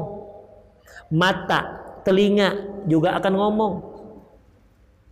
Inna sam'a wal basara wal fuad kullu ulaika kana anhu mas'ula. Sungguhnya pendengaran, penglihatan dan hati semua akan ditanya di hadapan Allah Subhanahu wa taala. Demikian juga kulit. Allah mengatakan, nama Quran, wa qalu li juludihim lima syahidtum alaina. Eh kulit, kenapa pula kalian memberikan saksi atas kami? Kalau antakan Allah alladhi antaka kulli syai. Kata si kulit, sungguh Allah telah membuat kami bisa bicara dan Allah Maha berkuasa membuat semua bisa bicara. Kulit akan bicara. Padahal kalau masuk neraka dia kan gosong juga. Ya kan? Dia kan akan gosong. Makanya dia ngomong, Khafidin, kamu kan nanti bahasa kita, kamu kan nanti yang ikut akan digosongkan, dibakar. Kenapa ngomong? Tapi begitu persaksian. Kulit kita ngomong. Ke mana kulit kita ini dibuat? Itu Khafidin. Kenapa? Minjam kita ini. Semuanya kita ini minjam pada Allah Subhanahu, milik Allah Subhanahu wa taala.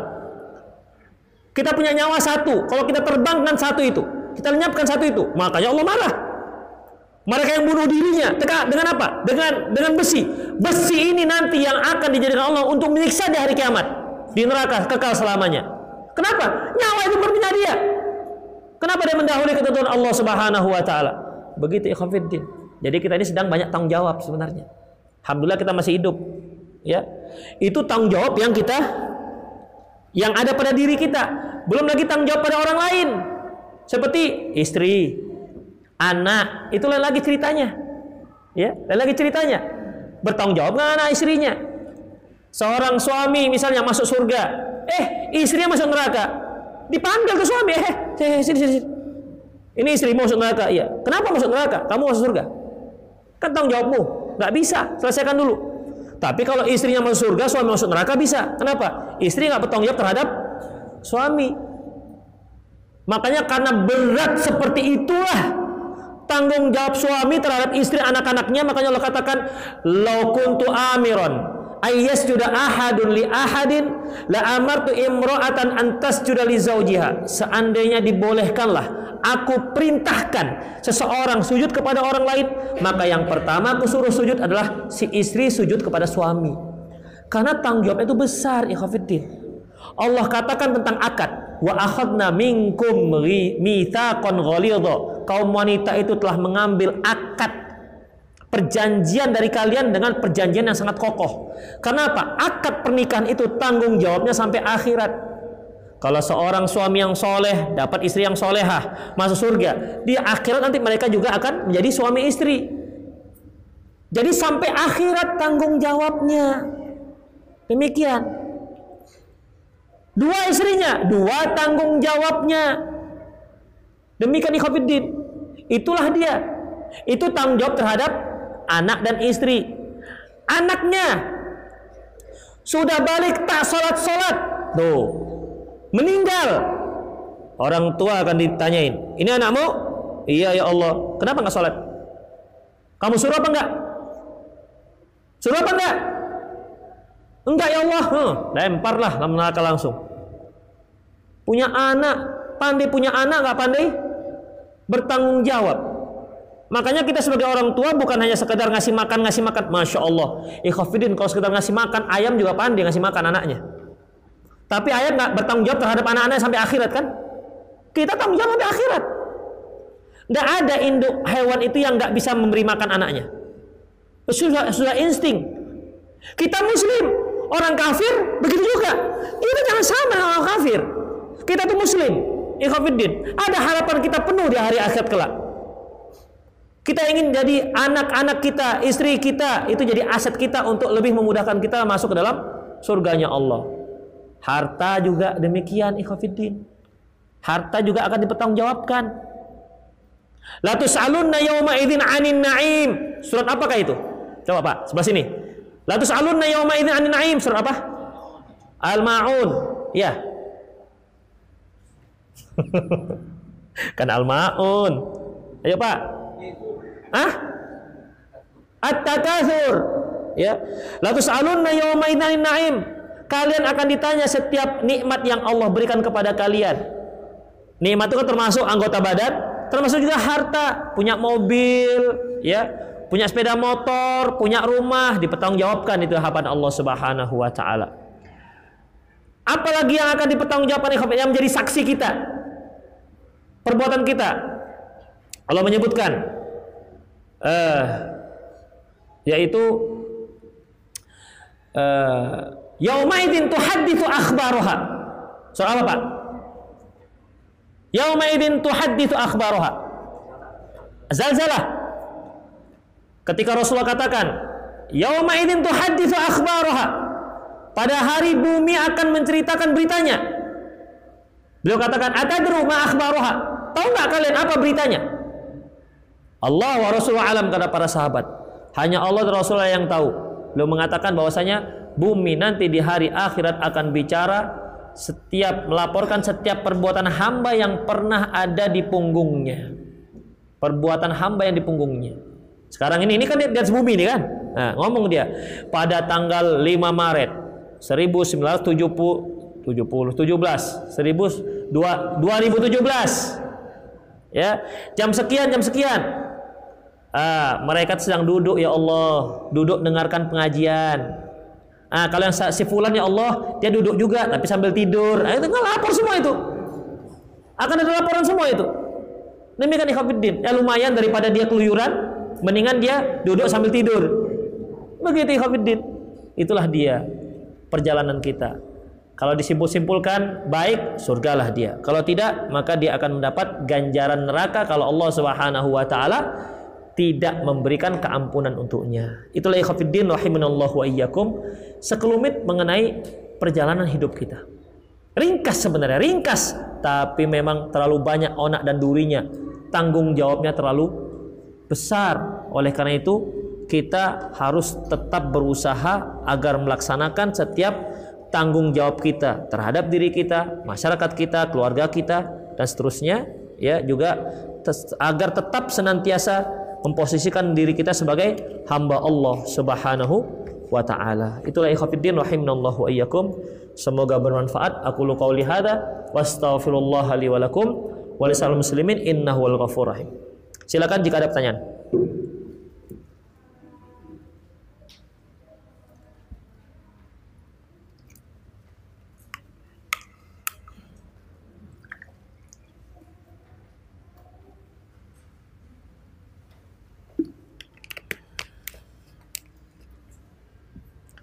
Syarat pertanyaan yang mudah ya, jangan yang sulit-sulit.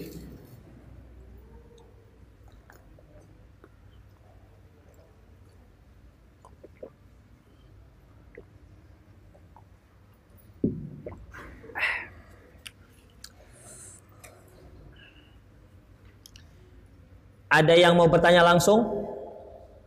Ya, silakan Pak. Salam.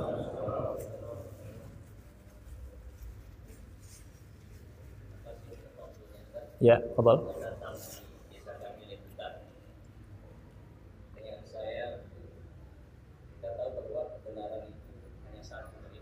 Ya.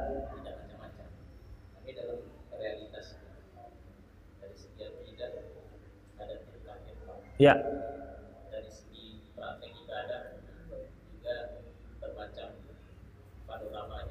Ya. Jadi kalau saya jelaskan, kalau memang benar yang besar, gimana pertanggungjawaban yang berbeda tingkah, yang berbeda panorama dalam ibadah. Ya. Satu aja Pak.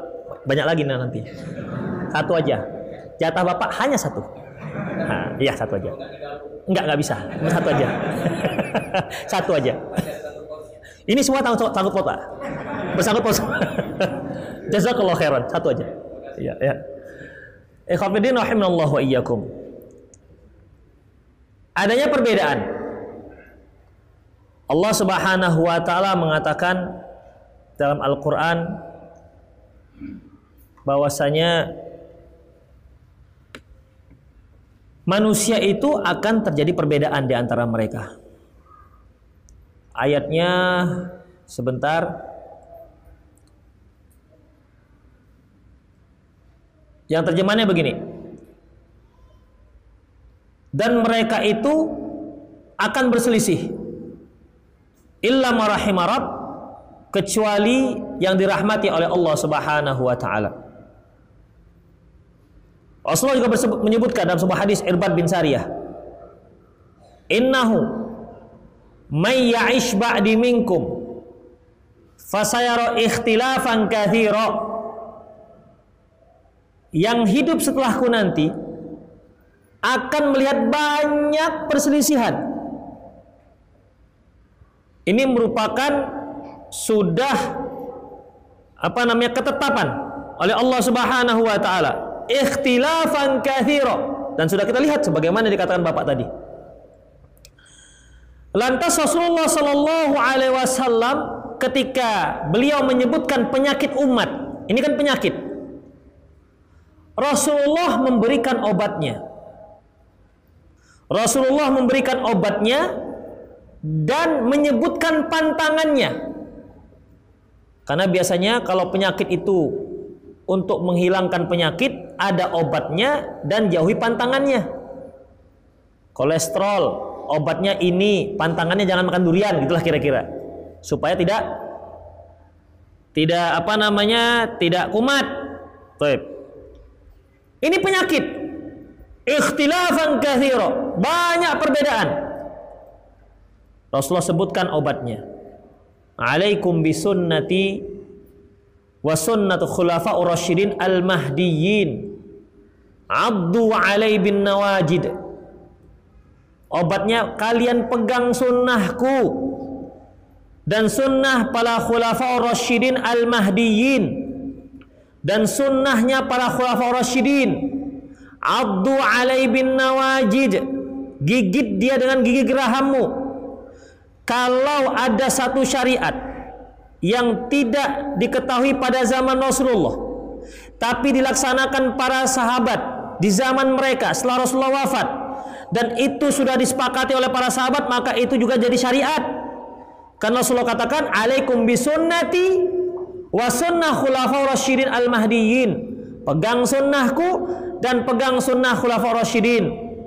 Seperti pembukuan Al-Quran adzan dua kali di hari Jumat.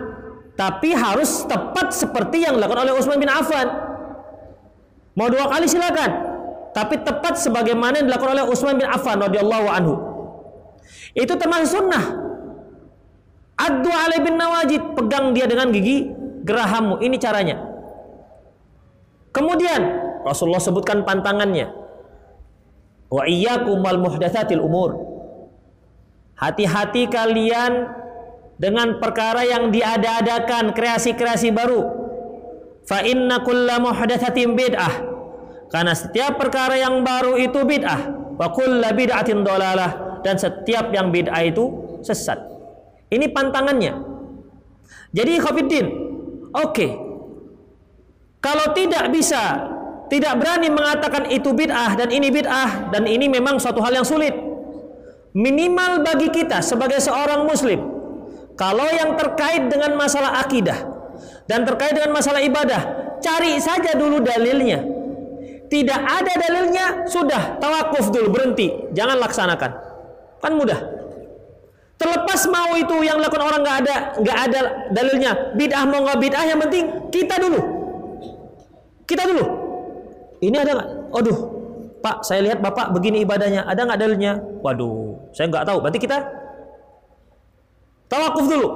Jangan, oh Bapak bid'ah, jangan dulu. Jangan-jangan dia punya dalil. Ya, Jangan-jangan dia punya dalil. Jadi pak, duh kalau begitu saya nggak nggak nggak amalkan dulu lah sampai saya ada dalil. Karena Rasulullah katakan alaikum bisunnati. Ini dulu. Ada obatnya. Minum obatnya dulu.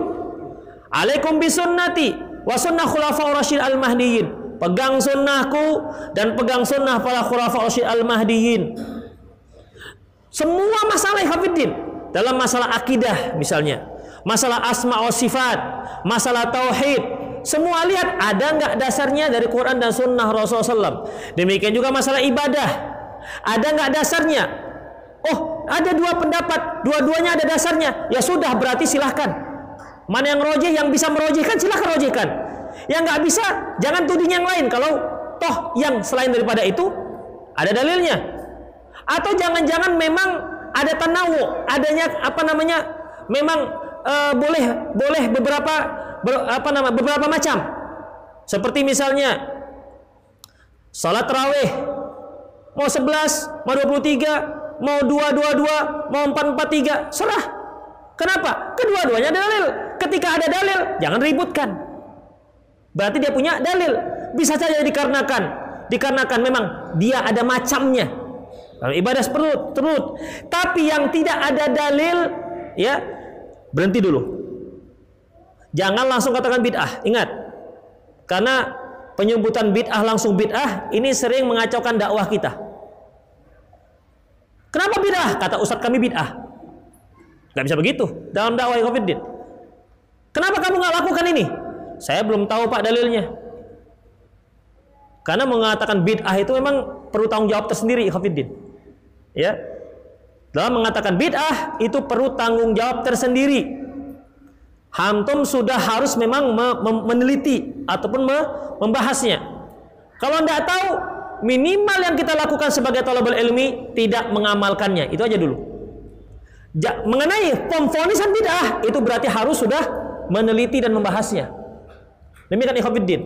Jadi adanya perbedaan-perbedaan kalau dia punya dalil perbedaan tersebut maka berarti dia punya macam. Ada beberapa hal. Dan ini biasanya terkait dengan masalah ibadah. Terkait dengan masalah ibadah. Adapun masalah akidah tidak. Para sahabat, para ulama kita sepakat dalam masalah akidah itu satu. Tidak ada perbedaan. Ya. Tidak ada perbedaan seperti Imam Syafi'i, murid beliau juga seperti Al-Muzani sama akidah mereka. Oleh karena itu rahimahullah dalam masalah ini akan semakin jelas ketika kita mulai banyak belajar dan menuntut ilmu. Tapi ada kendala biasanya. Ustadz semakin banyak saya ngaji, semakin bingung saya Ustadz. Makin bingung. Kenapa? Banyak yang didengar. Ya, ini biasanya talbisul iblis. Sehingga membuat orang tersebut tidak mau lagi belajar, tambah bingung. Seharusnya ketika dia lihat perbedaan, dia harus teliti menurut kemampuannya sendiri-sendiri. Yang dia seorang petani, ya kira-kira apa ya? Di mana ya dalilnya ya? Begitu. Menurut kemampuan sendiri-sendiri. Karena masing-masing kita akan mempertanggungjawabkan amalannya masing-masing di hadapan Allah Subhanahu wa taala. Tidak dikatakan, "Kenapa kamu mengamalkan gini?" Kata ustadz kami gini ya Allah. Gak bisa. Gak bisa. Siapa suruh kamu mengikut ustadzmu? Aku suruh ikut Rasulullah SAW, bukan ikut ustadz bukan ikut tengku. Makanya ikhafidin banyak-banyak menuntut ilmu. Yang kedua, minta petunjuk dari Allah Subhanahu wa taala. Karena yang profesor pun ada juga yang sampai sekarang nggak dapat petunjuk. Jelas mengada-ngadanya. Profesor dia. Kenapa? Masalah petunjuk. Kafiddin. Makanya hampir setiap hari kita minta petunjuk dari Allah SWT. Kalau nggak dibaca ini, nggak sah sholatnya. Apa itu? Ihdinas siratal mustaqim. Karena kita minta petunjuk kepada Allah dalam semua permasalahan. Masalah ibadah kita, masalah urusan rumah tangga kita, masalah perdagangan kita. Itu kita minta petunjuk ya Allah mana yang baik ini, mana yang halal. Minta petunjuk dari Allah Subhanahu wa taala. Itu ikhwatiddin rahimanallah wa iyyakum. Ya, dan memang yang terakhir yang diberi petunjuk oleh Allah lah yang akhirnya mendapatkan yang benar. Itu ikhwatiddin rahimallahu Itulah singkat daripada daripada jawaban pertanyaan tadi. Allahu alam bisawab. Ini dari akhwat dari ikhwan. Iya. Banyak Pak pertanyaan Pak. Sambungnya Ustaz tadi. Jadi tadi bidang ibadah oke mungkin ada mazhab bisa di di Heeh. Enggak, enggak punya dalil. Menurut mereka, hmm. punya dalil. punya dalil. Makanya tadi saya katakan Pak, maka saya katakan tadi, pegang sunnah Rasulullah dan sunnah para sahabat. Karena yang paling tahu tentang sunnah Rasulullah, para sahabat. Udah. Kenapa? Para sahabat itu yang langsung mendapat pendidikan dari Rasulullah SAW. Misalnya begini, kita misalnya kita baca dalil, itu kan kita baca tertulis. Kita nggak tahu bagaimana Rasulullah SAW mengucapkannya. Contohnya begini. Saya punya anak nih Pak, sedang naik ke atas pohon. Saya katakan, nak, naik, naik, naik sampai ujung, naik. Udah. Orang yang melihat ekspresi saya dengan orang yang menulis. Ustadz Ali Nur mengatakan kepada anaknya yang sedang naik pohon, nak, nak, naik, naik, naik sampai ujung. Sekarang yang membaca yang membaca tulisan ini apa yang dia fahami? Saya menyuruh apa melarang? Hah? Menyuruh. Yang melihat langsung bagaimana saya bicara, yang dia pahami melarang apa menyuruh? Melarang. Itulah para sahabat. Jadi ketika mereka melihat mendengar sabda Rasulullah mereka paling tahu apa yang disabdakan Rasulullah Sallallahu Alaihi Wasallam. Kemudian di Khafiddin, mereka juga punya murid-murid yang langsung mendapatkan mendapatkan apa namanya ilmu yang mereka dapatkan dari para sahabat. Jadi kalau dikatakan murjiah, lihat siapa pak pendiri pertamanya? Syiah apalagi agama yang didasari oleh hadis-hadis palsu. Asy'ariyah Lihat siapa pen, pe, pertamanya, pencetus pertamanya dan seterusnya. Ya. Jadi ada nggak para ulama-ulama kita terdahulu seperti Imam Syafi'i, Imam Ahmad berkeyakinan seperti itu? Kalau nggak berarti itu memang manusia. Demikian ikhwatiddin. Makanya para ulama telaki satu dengan yang lainnya. Seperti bagaimana cara menghadapi pemerintah. Pemerintah yang zalim. Itu Al-Muzani, murid Imam Syafi'i mengatakan ketika seorang pemerintah menzolimi masyarakatnya, maka solusi pertama adalah tobat. Bayangkan, ini Al-Muzani, murid Imam Syafi'i. Banyak-banyak istighfar kepada Allah Subhanahu wa taala. Kenapa? Karena imam yang pemimpin yang zolim itu merupakan azab yang Allah berikan kepada si rakyat yang zolim juga. Itu sudah lama. Tapi orang sekarang nggak ingat, nggak tahu, nggak tahu ke mana mereka. Itu Khofiddin. Sudah ada dahulu. Ya, jadi itulah yang namanya talaki tadi. Lihat bagaimana asal usulnya. Makanya Abdu Ali bin Nawajid pegang alaikum bisunnati wa sunnah khulafa rasyid al-mahdiyyin Peganglah sunnahku dan sunnah para khulafa al-mahdiyyin Abdu Ali bin Nawajid dan pegang dia dengan gigi gerahammu. Jadi kalau sekedar punya dalil, punya dalil apakah itu pendalilan? Teringat saya ini Pak. Abang saya pernah berdebat dengan paman saya yang sudah meninggal. Udah lama sekitar 15 tahun yang lalu. Masalah rokok. Kata abang saya, kalau orang Padang itu manggil paman itu mama. Mak, ini haram. Loh, kok haram katanya? Iya, karena begini begini dalilnya. Mama juga punya dalil katanya bahwasanya rokok ini halal. Wah, hebat. Apa dalil, Mak? Ada. Qul huwallahu ahad, Allahu samad. Lam dalil oleh bulat oleh yakul lahu kufuwan ahad. Bingung kita. Apa hubungannya rokok? Gitu kira-kira. Dalilnya punya, tapi apakah itu memang pendalilannya? Begitu Ikhwanuddin. Jadi dalil pertama saya apa tidak? Makanya dalam masalah kesoyannya Syiah benar-benar tersingkir dari masalah ini. Karena hadis mereka beda. Ya. Kutubus sitah mereka beda. Semuanya beda. Sampai sebenarnya Quran mereka juga beda sebenarnya. Ya. Bagi mereka Quran itu tidak hanya 30 juz. Itu Khafiddin. Mu'tazilah juga sudah disebutkan siapa yang pencetus pertamanya. Tidak ada sebelum orang itu tidak ada. Sementara sebagaimana saya katakan tadi, dalam Islam ini tidak ada penemuan. Semua sudah tuntas habis. Ya. Sejak zaman Rasulullah SAW dan para sahabatnya. Allahu a'lam bishawab. Bagaimana cara menasihati istri dan anak-anak kita sering meninggalkan sholat apabila kita keras akan terjadi keributan dan apabila kita biarkan maka mereka semakin merajalela. Ikhwafiddin, oleh karena itu Islam itu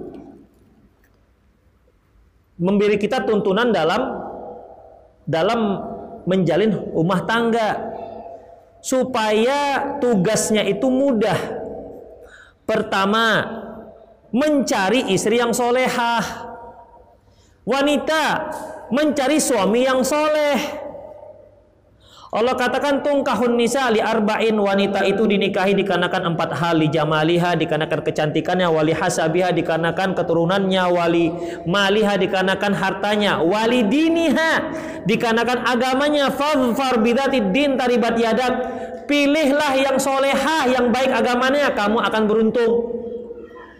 Demikian juga laki-laki Rasulullah katakan idza ja'akum mimman tardawna dinahu wa khuluquhu fazawwijuh Apabila datang seorang pemuda yang kamu suka dengan agama dan akhlaknya, maka nikahkan mereka. Kalau sekarang kan tidak, cari calon istri yang penting pertama bening. Ya, kalau kale-kale, ay. Soleh kali. Yang satu solehah, masya Allah, tapi agak kale. Yang satu bening, masya Allah, tapi ya modern. Yang mana dipilih? Nah ini biasanya pilih yang ini nih. Itu Khafiddin yang kurang-kurang. Akhirnya apa? Akibatnya akibatnya itu terkait dengan anak. Terkait dengan anak. Seorang wanita, kalau laki-laki kan yang paling dia minati apa namanya? cantiknya. Kalau wanita yang paling dia minati adalah apa? kantongnya. Kalaupun gelap-gelap kali kalau kantongnya tebal nggak masalah itu. Itu dia. Akhirnya kan terkait dengan anak-anak. Bagaimana mungkin anak bisa menjadi seorang yang soleh? Ibu menanam, bapak mencabut. Ibu memupuk, bapak meracun. Gak bisa. Maka dari awal, ya Ustadz, ya gimana lagi sudah terlanjur, nah, gitu. Gimana kalau sudah terlanjur begini? Berarti memang harus ada nasihat terus nasihat. Istri nggak sholat, Setiap kemungkaran yang dilakukan oleh anak dan istri kita, terutama anak istri, ya.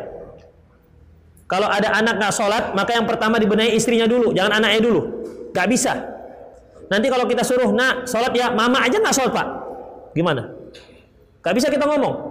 Makanya emaknya dulu. Gimana? Nasihati. Fa'in khiftum nusyudahunna. Kalau kalian khawatir dengan kedurhakan istri kalian. Fa'idhuhunna. Nasihati dia. Di sholatlah itu kewajiban para ulama kita bahkan mengatakan itu bisa kafir yang nggak sholat ajarkan dia, ingatkan dengan yang sangat lembut. Ya. Sudah digunakan kelembutan. Gak bisa juga wahjuruhunna fil madaji. Maka pisah ranjang. Seorang suami kalau sudah nggak mau tidur dengan istrinya, itu saya yakin istri akan merasa, kenapa abang nggak mau tidur dengan saya ya? Berarti sedang dibekot, ya kan? Kalau bahasa Medannya SKT, anda tahu SKT? Di sini pakai nggak bahasa SKT? Nggak ya? Ada tahu SKT? Itu udah dibekot. Kalau pisah ranjang juga tidak.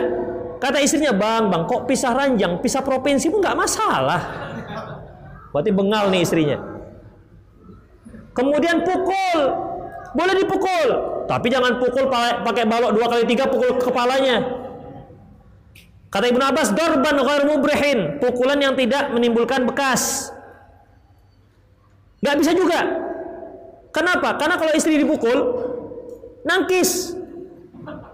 Dipukul nangkis, balas begitu. Sap. Kena uppercut suaminya. Ya kebetulan istrinya mungkin apa namanya sabu hitam sudah waktu dia nikah. Gak mau dipukul. Nggak bisa juga ya khafidin. Faba'athu hakama min ahli wa hakama min ahliha. Panggil keluarga dua belah pihak dan dibicarakan ini gimana. Mau nggak bagus, kalau nggak ya sudah pisah. Itu khafidin. Itulah putus dia berarti. Pisah. Karena masalah sholat masalah yang sangat urgen. Itu dia khafidin. Jadi sudahkah melalui tahapan-tahapan ini? Nah, setelah itu khafidin si istri sudah mau sholat, ah baru kemudian tinggal anak. Anak, suami sholat, istri sholat, anak kapan disuruh dia sholat? Sudah SMA, nggak jadi. Makanya Rasulullah katakan muru auladakum bis salati wa hum fi sinin. Perintahkan anak kalian sholat di saat mereka sudah tujuh tahun. Bagi setiap orang tua yang sudah memiliki anak usia tujuh tahun, wajib bagi mereka untuk menyuruh anaknya sholat satu hari lima kali, walaupun si anak belum wajib sholat. Kalau orang tua nggak menyuruh, dosa itu orang tua. Karena kewajibannya terkait dengan menyuruh. Wadribu alaiha wa fi asyar sinin pukul dia setelah dia berusia 10 tahun. Bagaimana cara mendidik anak yang di lingkungan yang sangat jauh dari nilai-nilai agamanya karena anak sangat susah dididik lebih memiliki teman-teman memilih teman-temannya jangan jauh dari agama. Ikhafiddin makanya ketika kita pilih tempat tinggal aljar qabladar perhatikan tetangga sebelum kita membuat rumah Jangan yang penting kaplingan murah, udahlah situ. Kiri kanan Kristen semua. Yang terpenting tetangga kita baik apa tidak. Ya Khafiddin, itu yang terpenting. Ya. Makanya kan Rasulullah melarang kita tinggal di negara kafir. Kenapa? Kalau kita kuat, anak kita kuat apa tidak? Kalau kita kuat, istri kita kuat apa tidak? Dia memilih teman, Kenapa kok dia bisa memilih teman? Kok dia dapat teman itu? Dari mana datangnya? Bisa dikarenakan teman sekolah, makanya sekolah juga pilih-pilih. Jangan yang penting gratis, masya Allah. Akhirnya teman-temannya banyak mempengaruhinya. Rasulullah katakan, almaru ma'adini khalilihi. Seorang itu agamanya sama seperti agama temannya. Makanya kita sebagai orang tua dari awal, kan anak itu dari kecil dengan kita. Kita carikan teman yang baik. Kita carikan sekolah yang baik. Gak apa-apa agak mahal sedikit.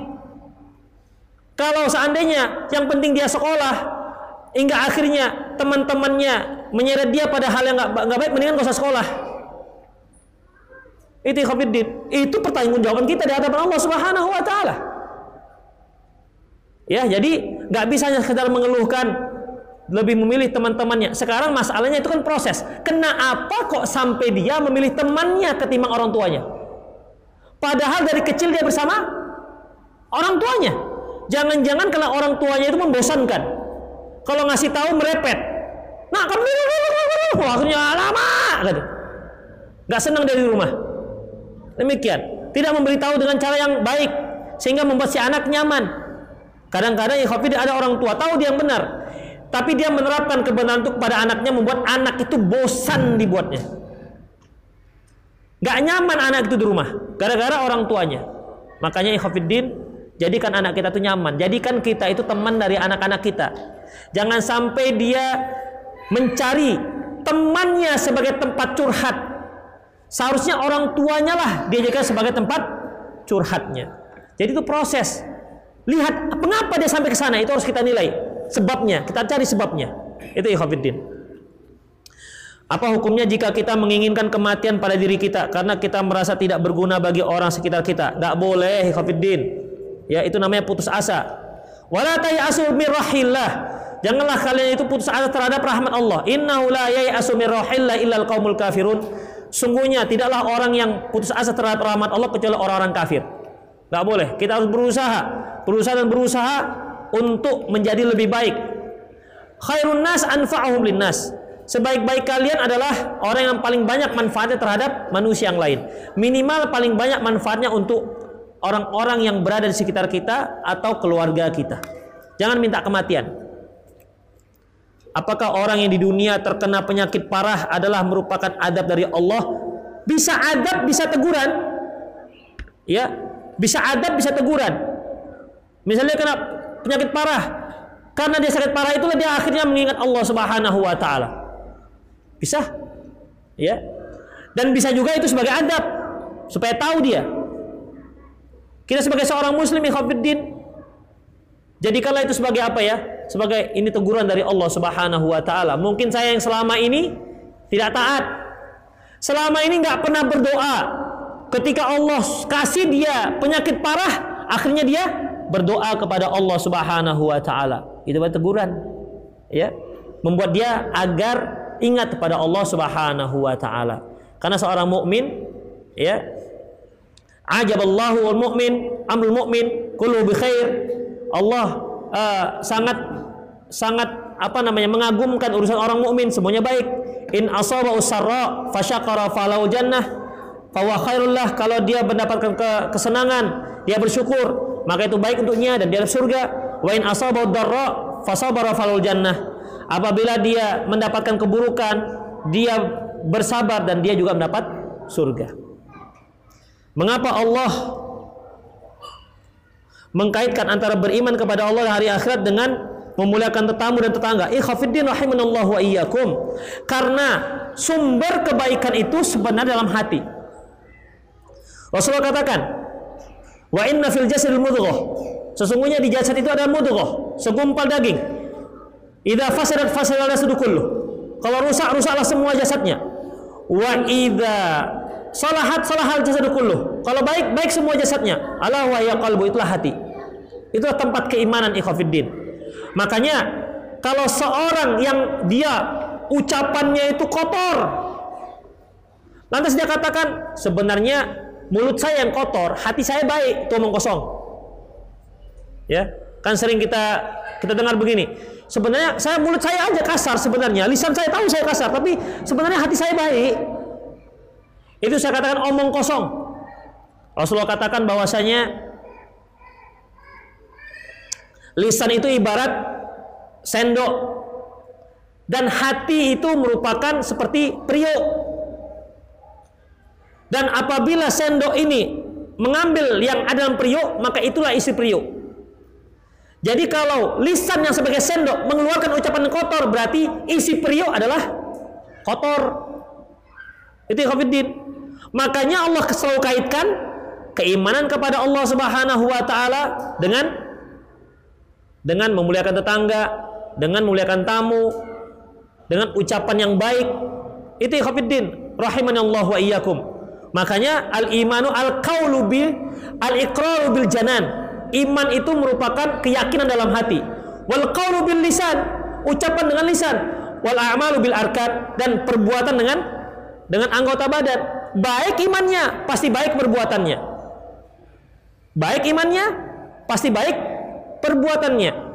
Baik imannya, pasti baik ucapannya. Itu ikhwatiddin. Allahu a'lam bishawab. Bagaimana cara mendidik anak yang melawan dan tidak mau dikasih tahu? Ikhwafiddin rahimanallahu wa iyyakum sebagaimana yang kita katakan tadi lihat apa salahnya. Itu kan penyakit, lihat sumbernya apa. Asal penyakit itu apa? Karena anak tidak bisa dikasih tahu, itu bisa dua kemungkinan. Si anak yang nggak mau tahu atau orang tua yang salah dalam ngasih tahu. Si anak yang nggak mau tahu atau orang tua yang salah dalam ngasih tahu. Ya, misalnya nih, si anak nggak sholat. Nah, kau kok nggak sholat? Kau udah besar, pakai otak kau, udah besar, nah, kan? Lain ceritanya. Kan intinya apa? Nyuruh sholat kan? Nyuruh sholat intinya. Tapi caranya begitu. Anak nggak nyaman. Bisa seperti itu. Makanya ketika kita berdakwah, dia diterima oleh masyarakat. Coba yang pertama yang introspeksi kita dulu. Jangan, oh masyarakatnya nggak mau menerima kebenaran. Masya Allah. Ikhwafiddin. Diterima dan tidak terimanya itu tangan Allah Subhanahu wa taala. Allah katakan, "Li ayyah di Allah bika rajulan khairul min humur na'am." Sungguh Allah memberi hidayah pada seseorang melalui kamu itu lebih baik ketimbang unta merah. Berarti kalau kita berdakwah, orang menerima, tandanya Allah memberi kebaikan kepada kita. Kita sebagai agen dakwah. Yang memberi dakwah sesungguhnya adalah Allah Subhanahu wa taala. Makanya introspeksi kita dulu. Anak nggak mau dikasih tahu. Coba kitanya dulu. Kitanya dulu introspeksi. Karena Allah Rasulullah kan sudah katakan, kullu mauludin yuladu alal fitrah. Setiap anak itu dilahirkan dalam keadaan suci. Fa abawahu yuhawidanihi wa yumajjisanihi wa yunassiranihi. Kedua orang tuanya lah yang membuat dia jadi majusi, Nasrani dan dan Nasrani. Kok tiba-tiba dia jadi kotor? Gimana? Berarti kan ada peran orang tua mengotorinya. Demikian ikhwatiddin. Cari di mana masalahnya. Saat ini saya memiliki satu istri. Ibadahnya bagus. Dia hidup rukun dengan istrinya. Oh, dia bukan saya. Rukun dengan keluarganya. Namun setelah ia memiliki dua istri, ibadahnya turun, kurang rukun dengan istrinya, sering bohong dan dusta. Nasihat apa yang harus saya sampaikan kepadanya Ustadz? Makanya ikhwafidin sebagaimana saya katakan tadi, Sebagaimana saya katakan tadi, dua istri lebih besar tanggung jawabnya ketimbang satu istri. Kalau kita mau menikah lagi, coba hitungannya lebih matang. Jangan yang penting ada mau, yang penting ada yang mau Ustadz. Kalau yang ada yang mau ada aja. Antum punya ladang sawit 6 hektar, ada yang mau itu. Bukankah Allah katakan Fankihu ma balakum minan nisa mathna wa thulatha wa ruba. Nikahi wanita itu dua, tiga dan empat, bukan satu duluan, dua dulu.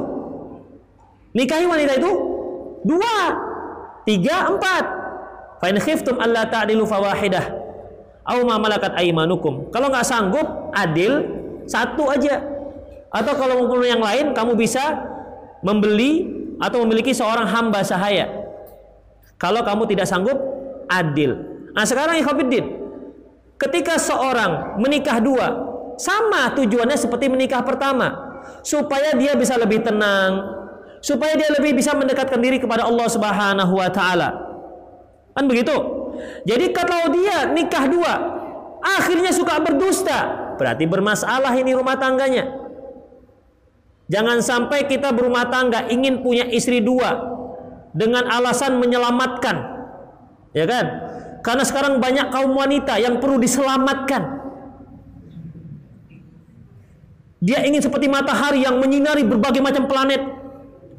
Padahal dia sendiri hanyalah lilin yang membakar dirinya sendiri. Kan itu perlu kita ketahui punya perhitungan. Anda itu lilin apa matahari? Kalau lilin, jangan coba-coba mau mau mau menyinari planet-planet yang lain. Kenapa? Karena diri Anda sendiri terbakar. Makanya perhitungan. Jangan sampai berpoligami itu si kocapang si kocape saya lapang saya lapeh. Saya kotabang saya. Tahu kan artinya? Hah? Tahu lah. Dia mau punya ayam dua, tapi satu lepas, satu terbang. Akhirnya nggak punya apa-apa. Istri pertama minta cerai, istri kedua lari. Kan menjadi satu juga atau menjadi nol jadinya. Demikian ikhwafiddin. Makanya bukan nakut-nakuti menikah lagi bukan ikhwafiddin. Artinya punya perhitungan lah. Ya istri kedua sama haknya dengan istri pertama Kalau antum memang mau nikah lagi dan alasannya benar, saya yakin istri antum itu kalau memang sayangan antum, pasti dia mengerti. Karena istri kita itu yang paling tahu tentang kesanggupan diri kita. Misalnya dia memang seorang laki-laki yang luar biasa. Voltasenya luar biasa, bukan 220, 330. Kan istri bisa merasakan, ini abang ini kalau nggak nikah lagi, bahaya ini. Antum, dek, nanti adik kan lihat sendiri kan, berapa volt abang sekarang? Ini abang sepertinya harus nikah lagi deh. Kalau enggak, abang khawatir abang bisa berzina. Udah, coba lobby istri antum. Kalau dia faham, insya Allah. Kalau dia cinta dengan antum, dia pun tahu diri antum. Coba, Hafidin. Atau antum apa namanya uh, kerja sebulan di Rimo, sebulan di Jakarta misalnya. Terus yang sebulan di Jakarta tuh kan nganggur. Coba, dek, gimana? Kan nggak mungkin juga dibawa terus istrinya, anaknya gimana? Coba di lobi istri antum dengan rayuan-rayuan mautnya. Insya Allah istri itu paham. Tapi dia, masya Allah satu aja satu aja sampai sampai salapan untuk me memberi nafkahnya susah. Ya satu hari dek inilah uh, apa namanya nafkah abang satu hari tiga puluh ribu. Tapi kalau bisa dek makan kita pakai ayam lah ya. Tiga puluh ribu. Itu pun minta minta kirimkan pulsa. Tiba-tiba, Dek, abang mau nikah lagi sepertinya, Dek. Lah, Udah. Jadi kalau nggak sanggup finansial banyak-banyak puasa lah begitu. Itu ya Khofiddin.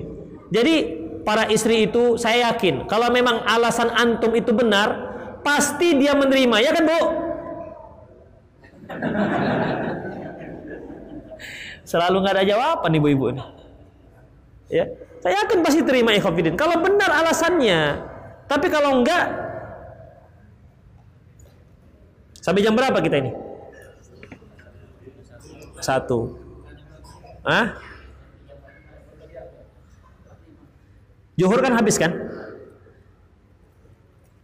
Ustadz, bolehkah di tiap rakaat sholat membaca ta'awud sebelum baca al-fatihah? Memang begitu sunnahnya. Wa quri'a Idza qara'tal Qur'an fasta'id billahi minasyaitonir rajim. Apabila kamu membaca Al-Qur'an, maka ucapkanlah a'udzu billahi minasyaitonir rajim. Ucapkan a'udzu billahi minasyaitonir rajim. Jadi ketika kita sholat di rakaat pertama habis iftitah, doa iftitah, a'udzubillahi bismillahirrahmanirrahim, al-Fatihah. Kemudian setelah itu kan kita baca surat, kemudian setelah itu doa-doa, ya. Kan itu bukan Quran. Ketika kita bangkit di rakaat kedua, kan mau baca Quran lagi nih, maka a'udzubillahi minasyaitonirrajim. Mohon penjelasannya tentang ibadah mahdoh dan baru mahdoh. Pertanyaan bagaimana solusi atau jawaban sebagian kaum muslimin yang mereka beribadah yang menjadi sunnah dengan berdalil ibadah baru mahdoh. Ibadah baru mahdoh ini khafidin sebagaimana saya katakan tadi, ya Bukan ibadah-ibadah yang tokifi seperti sholat, haji, umroh. Kalau haji, umroh, sholat dan seterusnya ini ibadah-ibadah tokifi nggak bisa kita rekayasa sendiri. Semuanya sudah datang dari Rasulullah Sallallahu Alaihi Wasallam. Kemudian ada lagi sesuatu yang kita harapkan pahalanya, sementara menyelisihi syariat. Contohnya gini, Khofiddin. Tapi contoh. Apa hukum post up? Post up, sit up, apa hukumnya? Hah? Mubah, silakan saja. Tapi si A setiap habis sholat, habis assalamualaikum warahmatullahi assalamualaikum warahmatullahi post up dia, apa hukumnya? Hmm? Boleh nggak? Assalamualaikum warahmatullahi wabarakatuh. Post up 10 kali. Sit up lima kali. Apa hukumnya? Hah? Boleh nggak? Ini di luar sholat loh, bukan dalam sholat. Udah assalamualaikum, assalamualaikum, luar sholat. Boleh silakan saja. Terserah-serah dia orang sudah sholat, kecuali sebelum assalamualaikum posam dia, baru nggak boleh. Ya, baru nggak boleh. Tetapi ketika dia katakan ini adalah syariat Allah, sunnah Rasulullah, habis sholat post up. Apa jadi post up ini? Bid'ah larinya. Kenapa? Karena dia sudah masukkan dalam lingkaran syariat. Itu Hafiddin. Posapnya enggak enggak enggak enggak ibadah, tapi ketika mengkaitkan dengan sholat, di situlah jadinya tidak dibolehkan. Tapi kalau niatnya itu luar tidak dikaitkan, berarti dia dan bukan masalah bukan masalah ibadah, bukan masalah sholat. Itu Hafiddin. Jadi masalah yang bukan ibadah pun bisa jatuh pada bid'ah. Misalnya, saya mau membaca surat Amma Yatasa'alun hari Senin, boleh nggak? Boleh sila-silakan saja. Ya, sila-silakan saja. Selasa? Boleh Selasa, Rabu, Kamis, siang, malam, sore silakan. Tetapi kalau saya yakini saya membacanya lebih afdol di hari Kamis. Tuh, harus pakai dalil. Bukan baca amata sa'alunnya itu yang nggak boleh, tapi mengkaitkannya dengan hari Kamis itu punya harus punya dalil. Demikian ikhwatiddin. Lari-lari. Hukumnya boleh silakan saja. Tapi kalau dia yakini habis buka puasa lari-larilah kamu. Dikaitkan lari-lari dengan buka puasa, maka bisa jatuh pada bid'ah. Padahal kalau dia mau lari-lari setelah puasa silahkan saja. Tapi niatnya itu ya menjadi dia memasukkannya dalam lingkaran syariat. Jadilah dia tidak dibolehkan. Itu yang dimaksud ikhwatiddin. Ya. Sudah setengah satu. Zuhur jam berapa? 45. Antum nggak pakai persiapan-persiapan wudhu gitu nggak? Pakai. Jadi gimana? Lanjut. Lanjut. Belum lagi. Apakah benar bahwa umat Islam yang masuk surga adalah karena rahmat Allah bukan dikarenakan amalan ibadah Iya betul. Ya. Umat Islam masuk surga itu dikarenakan rahmat Allah bukan dikarenakan amalan ibadahnya. Mengapa demikian? Karena nggak pantas amalan ibadah kita itu ganjarannya surga. Ini sama seperti Khafiddin, seorang tugasnya cleaning service, membersihkan WC, gajinya per bulan 4 miliar. Cocok? Cocok nggak? Enggak. Tapi kalau ada seorang direktur, orang kaya raya, dilihatnya yang cleaning service ini rajin sekali. Sholatnya nggak tinggal semua dan juga rajin tepat waktu. Akhirnya dia kasih 4 miliar. Bisa nggak? Bisa. Apakah dikarenakan tugasnya? Apakah dikarenakan rahmatnya dia? Dikarenakan kasihannya dia kan, sayangnya dia kepada petugas ini. Bukan gaji, gajinya hanya lain satu juta setengah, bukan 4 miliar. Tapi karena dilihat orang ini rajin, itulah dia ikhwatiddin. Makanya semakin rajin kita ibadah, kemungkinan Allah sayang dengan kita itu semakin dekat. Jadi jangan sholat enggak, tutup aurat tidak. Allah itu kan maha rahmat. Apa modalmu untuk mendapatkan rahmat Allah? Enggak punya modal untuk minta rahmat. Ya, dia malas, kerja malas, masuk jam 8, dat, peraturan jam 8 datanya 10. Nanti bos saya itu kan orang yang penyayang, Dikasih 4 miliar itu nanti. Apa dasarnya? Memang bahwasanya amalan kita itu tidak bisa memasukkan kita ke dalam surga. Tapi khafiddin, rahmat Allah untuk mendapatkan rahmat Allah itu gimana? Mendapatkan kasihan Allah itu bagaimana? Rajinlah kita ya Allah, berilah begitu terus tahajud, kemudian sholat, rajin ibadah supaya Allah itu kasihan. Masya Allah hambaku ini luar biasa. Udahlah surga dah. Begitu maksudnya khafiddin. Jadi kalau sekedar imbalan, amalan kita diimbal surga itu sama seperti tadi itu. Cleaning service digaji 4 miliar. Gak akan layak ikhwafiddin. Itu yang dimaksud. Jadi Rasulullah katakan sendiri bahwasanya seorang itu masuk surga bukan dikarenakan amalannya, tapi dikarenakan rahmat Allah. Anda juga Rasulullah, saya juga kata Rasulullah SAW.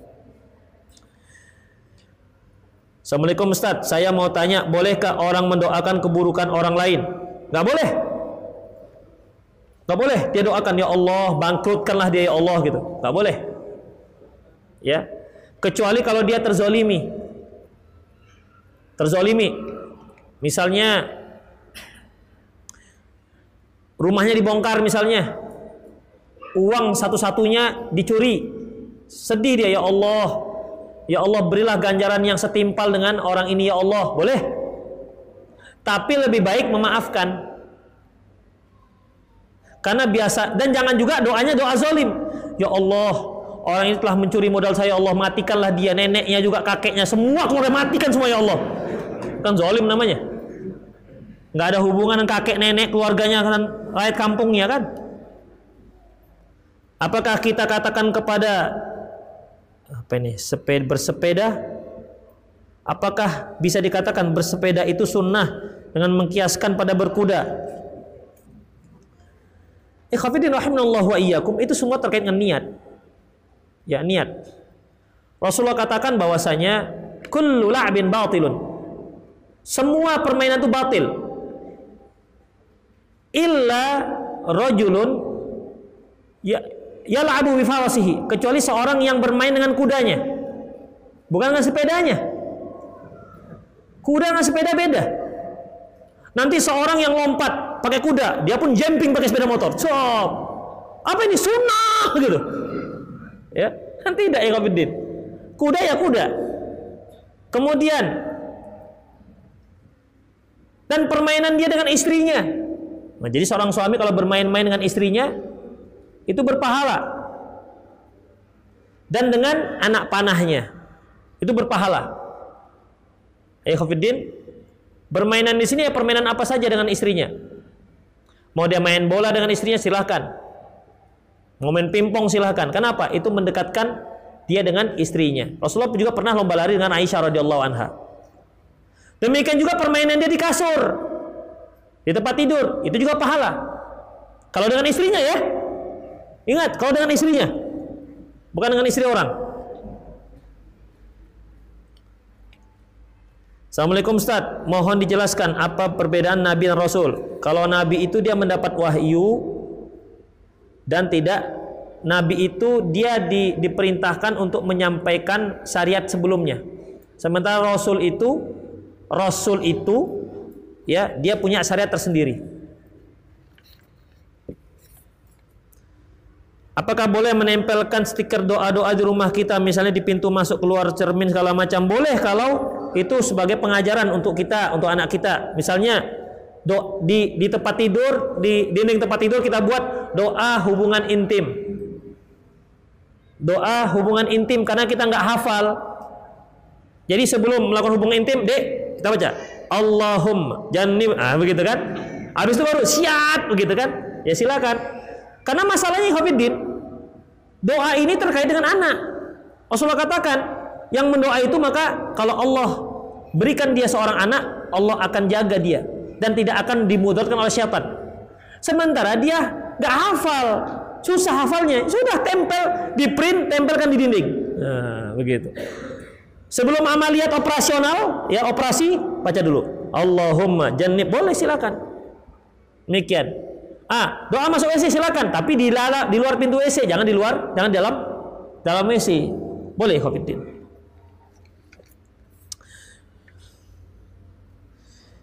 Ustadz, mau tanya, di luar kajian, kita diizini poligami sama istri. Tapi permintaan istri, permintaan istri pertama, istri kedua harus mau jadi satu rumah. Gimana permintaan istri Ustadz? Ya nggak apa-apa, masalah. Tapi jangan satu kamar ya satu rumah. Jika memang kita lihat karakter istri bisa menerima yang kedua. Namun sunnahnya itu masing-masing punya rumah. Wa qarna fi buyutikunna wala tabarrajna tabarrujal jahiliyatul ula. Tinggallah kalian di rumah-rumah kalian. Rumah-rumah itu maksudnya istri-istri Rasulullah SAW masing-masing punya punya rumah. Itu Khafiddin.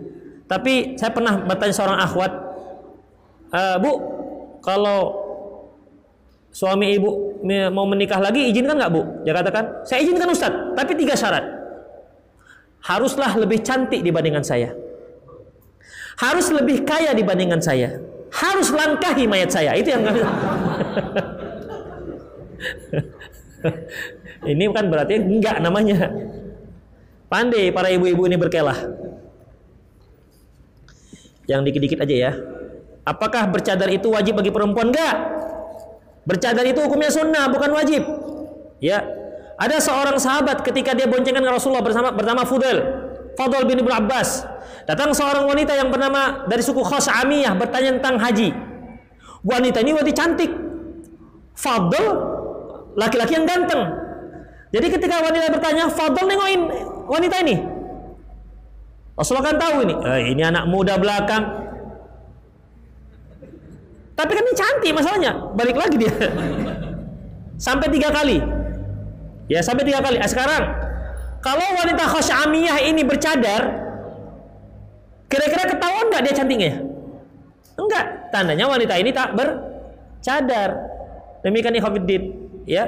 Juga ketika Rasulullah katakan, "Ya ma'syaron nisa tasaddaqna fa inni ra'aitukunna aktsara ahli nar." Wahai wanita sekalian, bersedekahlah karena kulihat kalian itu mayoritas penduduk neraka.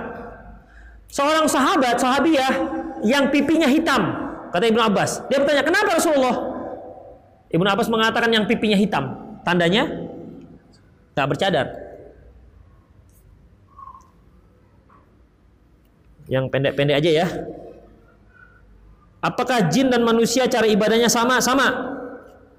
Ya, karena Rasulullah diutus untuk jin dan manusia. Habis sudah waktunya? Sudah. Kok ada khilafiah di sini? Hah? Satu lagi lah ya. Pilih yang paling pendek. Yang paling bagus tulisannya. Saya mau bertanya bagaimana dengan orang yang pakai behel? Kemudian meninggal dunia apakah diwajibkan buka behel tersebut? Ikhafidin behel itu ada harganya nggak kalau dibuka? Kalau nggak ada harganya ya behel itu kan fungsinya untuk memperbaiki gigi. Mudah nggak bukanya? Mudah buka aja ya. Kecuali dia gigi palsu. Kalau gigi palsu yang gigi tanam itu itu kan susah dibuka. Ya udah biarkan saja dan kecuali kalau gigi palsunya itu emas. Gerahamnya 8 emas semua. Gini-gini. Itu kan paling nggak berapa gram itu? Ada 5 gram. 5 kali 8 berapa gram itu? Ah, 40 gram. Berarti 20 juta dalam gigi sendiri. Buka. Dibagi-bagi ke ahli waris. Itu Khafidin. Kenapa? Dia tidak berhak terhadap gigi gigi emasnya. Tapi kalau nggak ada harganya atau susah dibuka, biarkan saja. Ya.